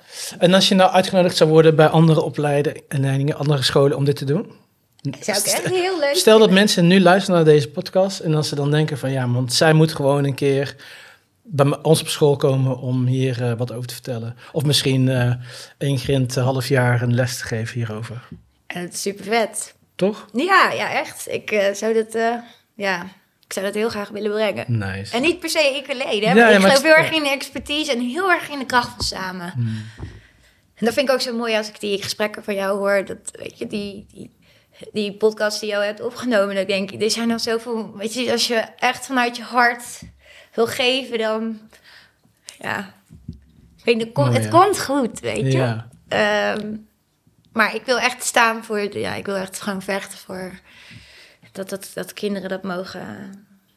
Dat je ze dat mag brengen. Ja. Maar dat, dat, toen was ik ook wel, toen op dat 365 dagen event stond, dat er ook wel echt hele mooie initiatieven van stichtingen zijn die op de HBO's al begonnen zijn. Mm. Met, want hun missie is natuurlijk eh, Nederland het gelukkigste land. En dan denk ik, oh, als ik dan mijn missie, denk ik, alle pubers de gelukkigste pubers maken. ja, dat zou ik wel. Ik, ik kan gewoon zo, als je zo'n kind ziet schijnen, als ze iets hebben gedaan wat ze Ja, wat ze eng vonden. Of ik, maar ik weet niet, ik ben gewoon zo trots op ze dan. zo mooi. Ja, ja, ik vind dat echt. En ik geloof ook dat het begint ook heel erg bij docenten zelf. Dus aandacht besteden aan dat docenten ook weer, weet je, even tijd mogen hebben en blij mogen zijn en in hun eigen kracht en passie mogen komen. Ja. Want als je dat aantikt, dan, ja, kwantumfysica kan je in je hogere emo elevated emotions, dan heb je zo'n veld om je heen. Toch? Ja, ja, zeker. Ja. Dus ja, ik heb dat ook echt, dat ik daar heel bewust mee bezig ben, 's ochtends. Van oké, ik ga... Mijn, mijn frequentie verhogen, mijn veld Ja, ik, mijn frequ- ik doe heel bewust mijn frequentie overhogen 's ochtends. En daarom heb ik ook echt heel ritueeltjes 's ochtends. Zodat ik dan, want ik denk, ja, ik sta straks voor 30 kinderen. En als ik niet lekker in mijn vel zit, dan gaat dat sowieso de rest niet werken. nee, ja, echt niet. Dus daarom eh, stenen, kaarten. Ik eh, maak ze gek soms dat ik zeg, nou, ik heb weer een Disney liedje in de auto geluisterd, jongens. ga je er even meenemen. En denk ze, dan komt die knettergekke chick weer. dat boeit me niet.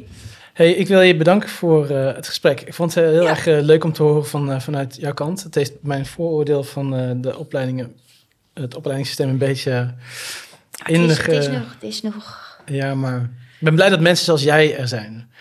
En als Eh, er heel meer veel- mensen zoals jij er zijn, dan, dan zie ik het echt rooskleurig in voor de, voor de volgende generaties. Ja, dus ja, ik weet niet als er mensen zijn die dus denken van... oh, ik voel deze ook echt enorm. Ja. Absoluut. eh, Ja. Kunnen ze je ergens eh, contacten? Zal ik je, je, Instagram of je e-mail ergens eh, onderzetten? Want ik denk dat mensen wel vragen gaan krijgen hierover. Dat jij vragen gaat krijgen van mensen hierover. Ik, eh, ja hoor, absoluut. Ja, ik zet je contactinfo eronder.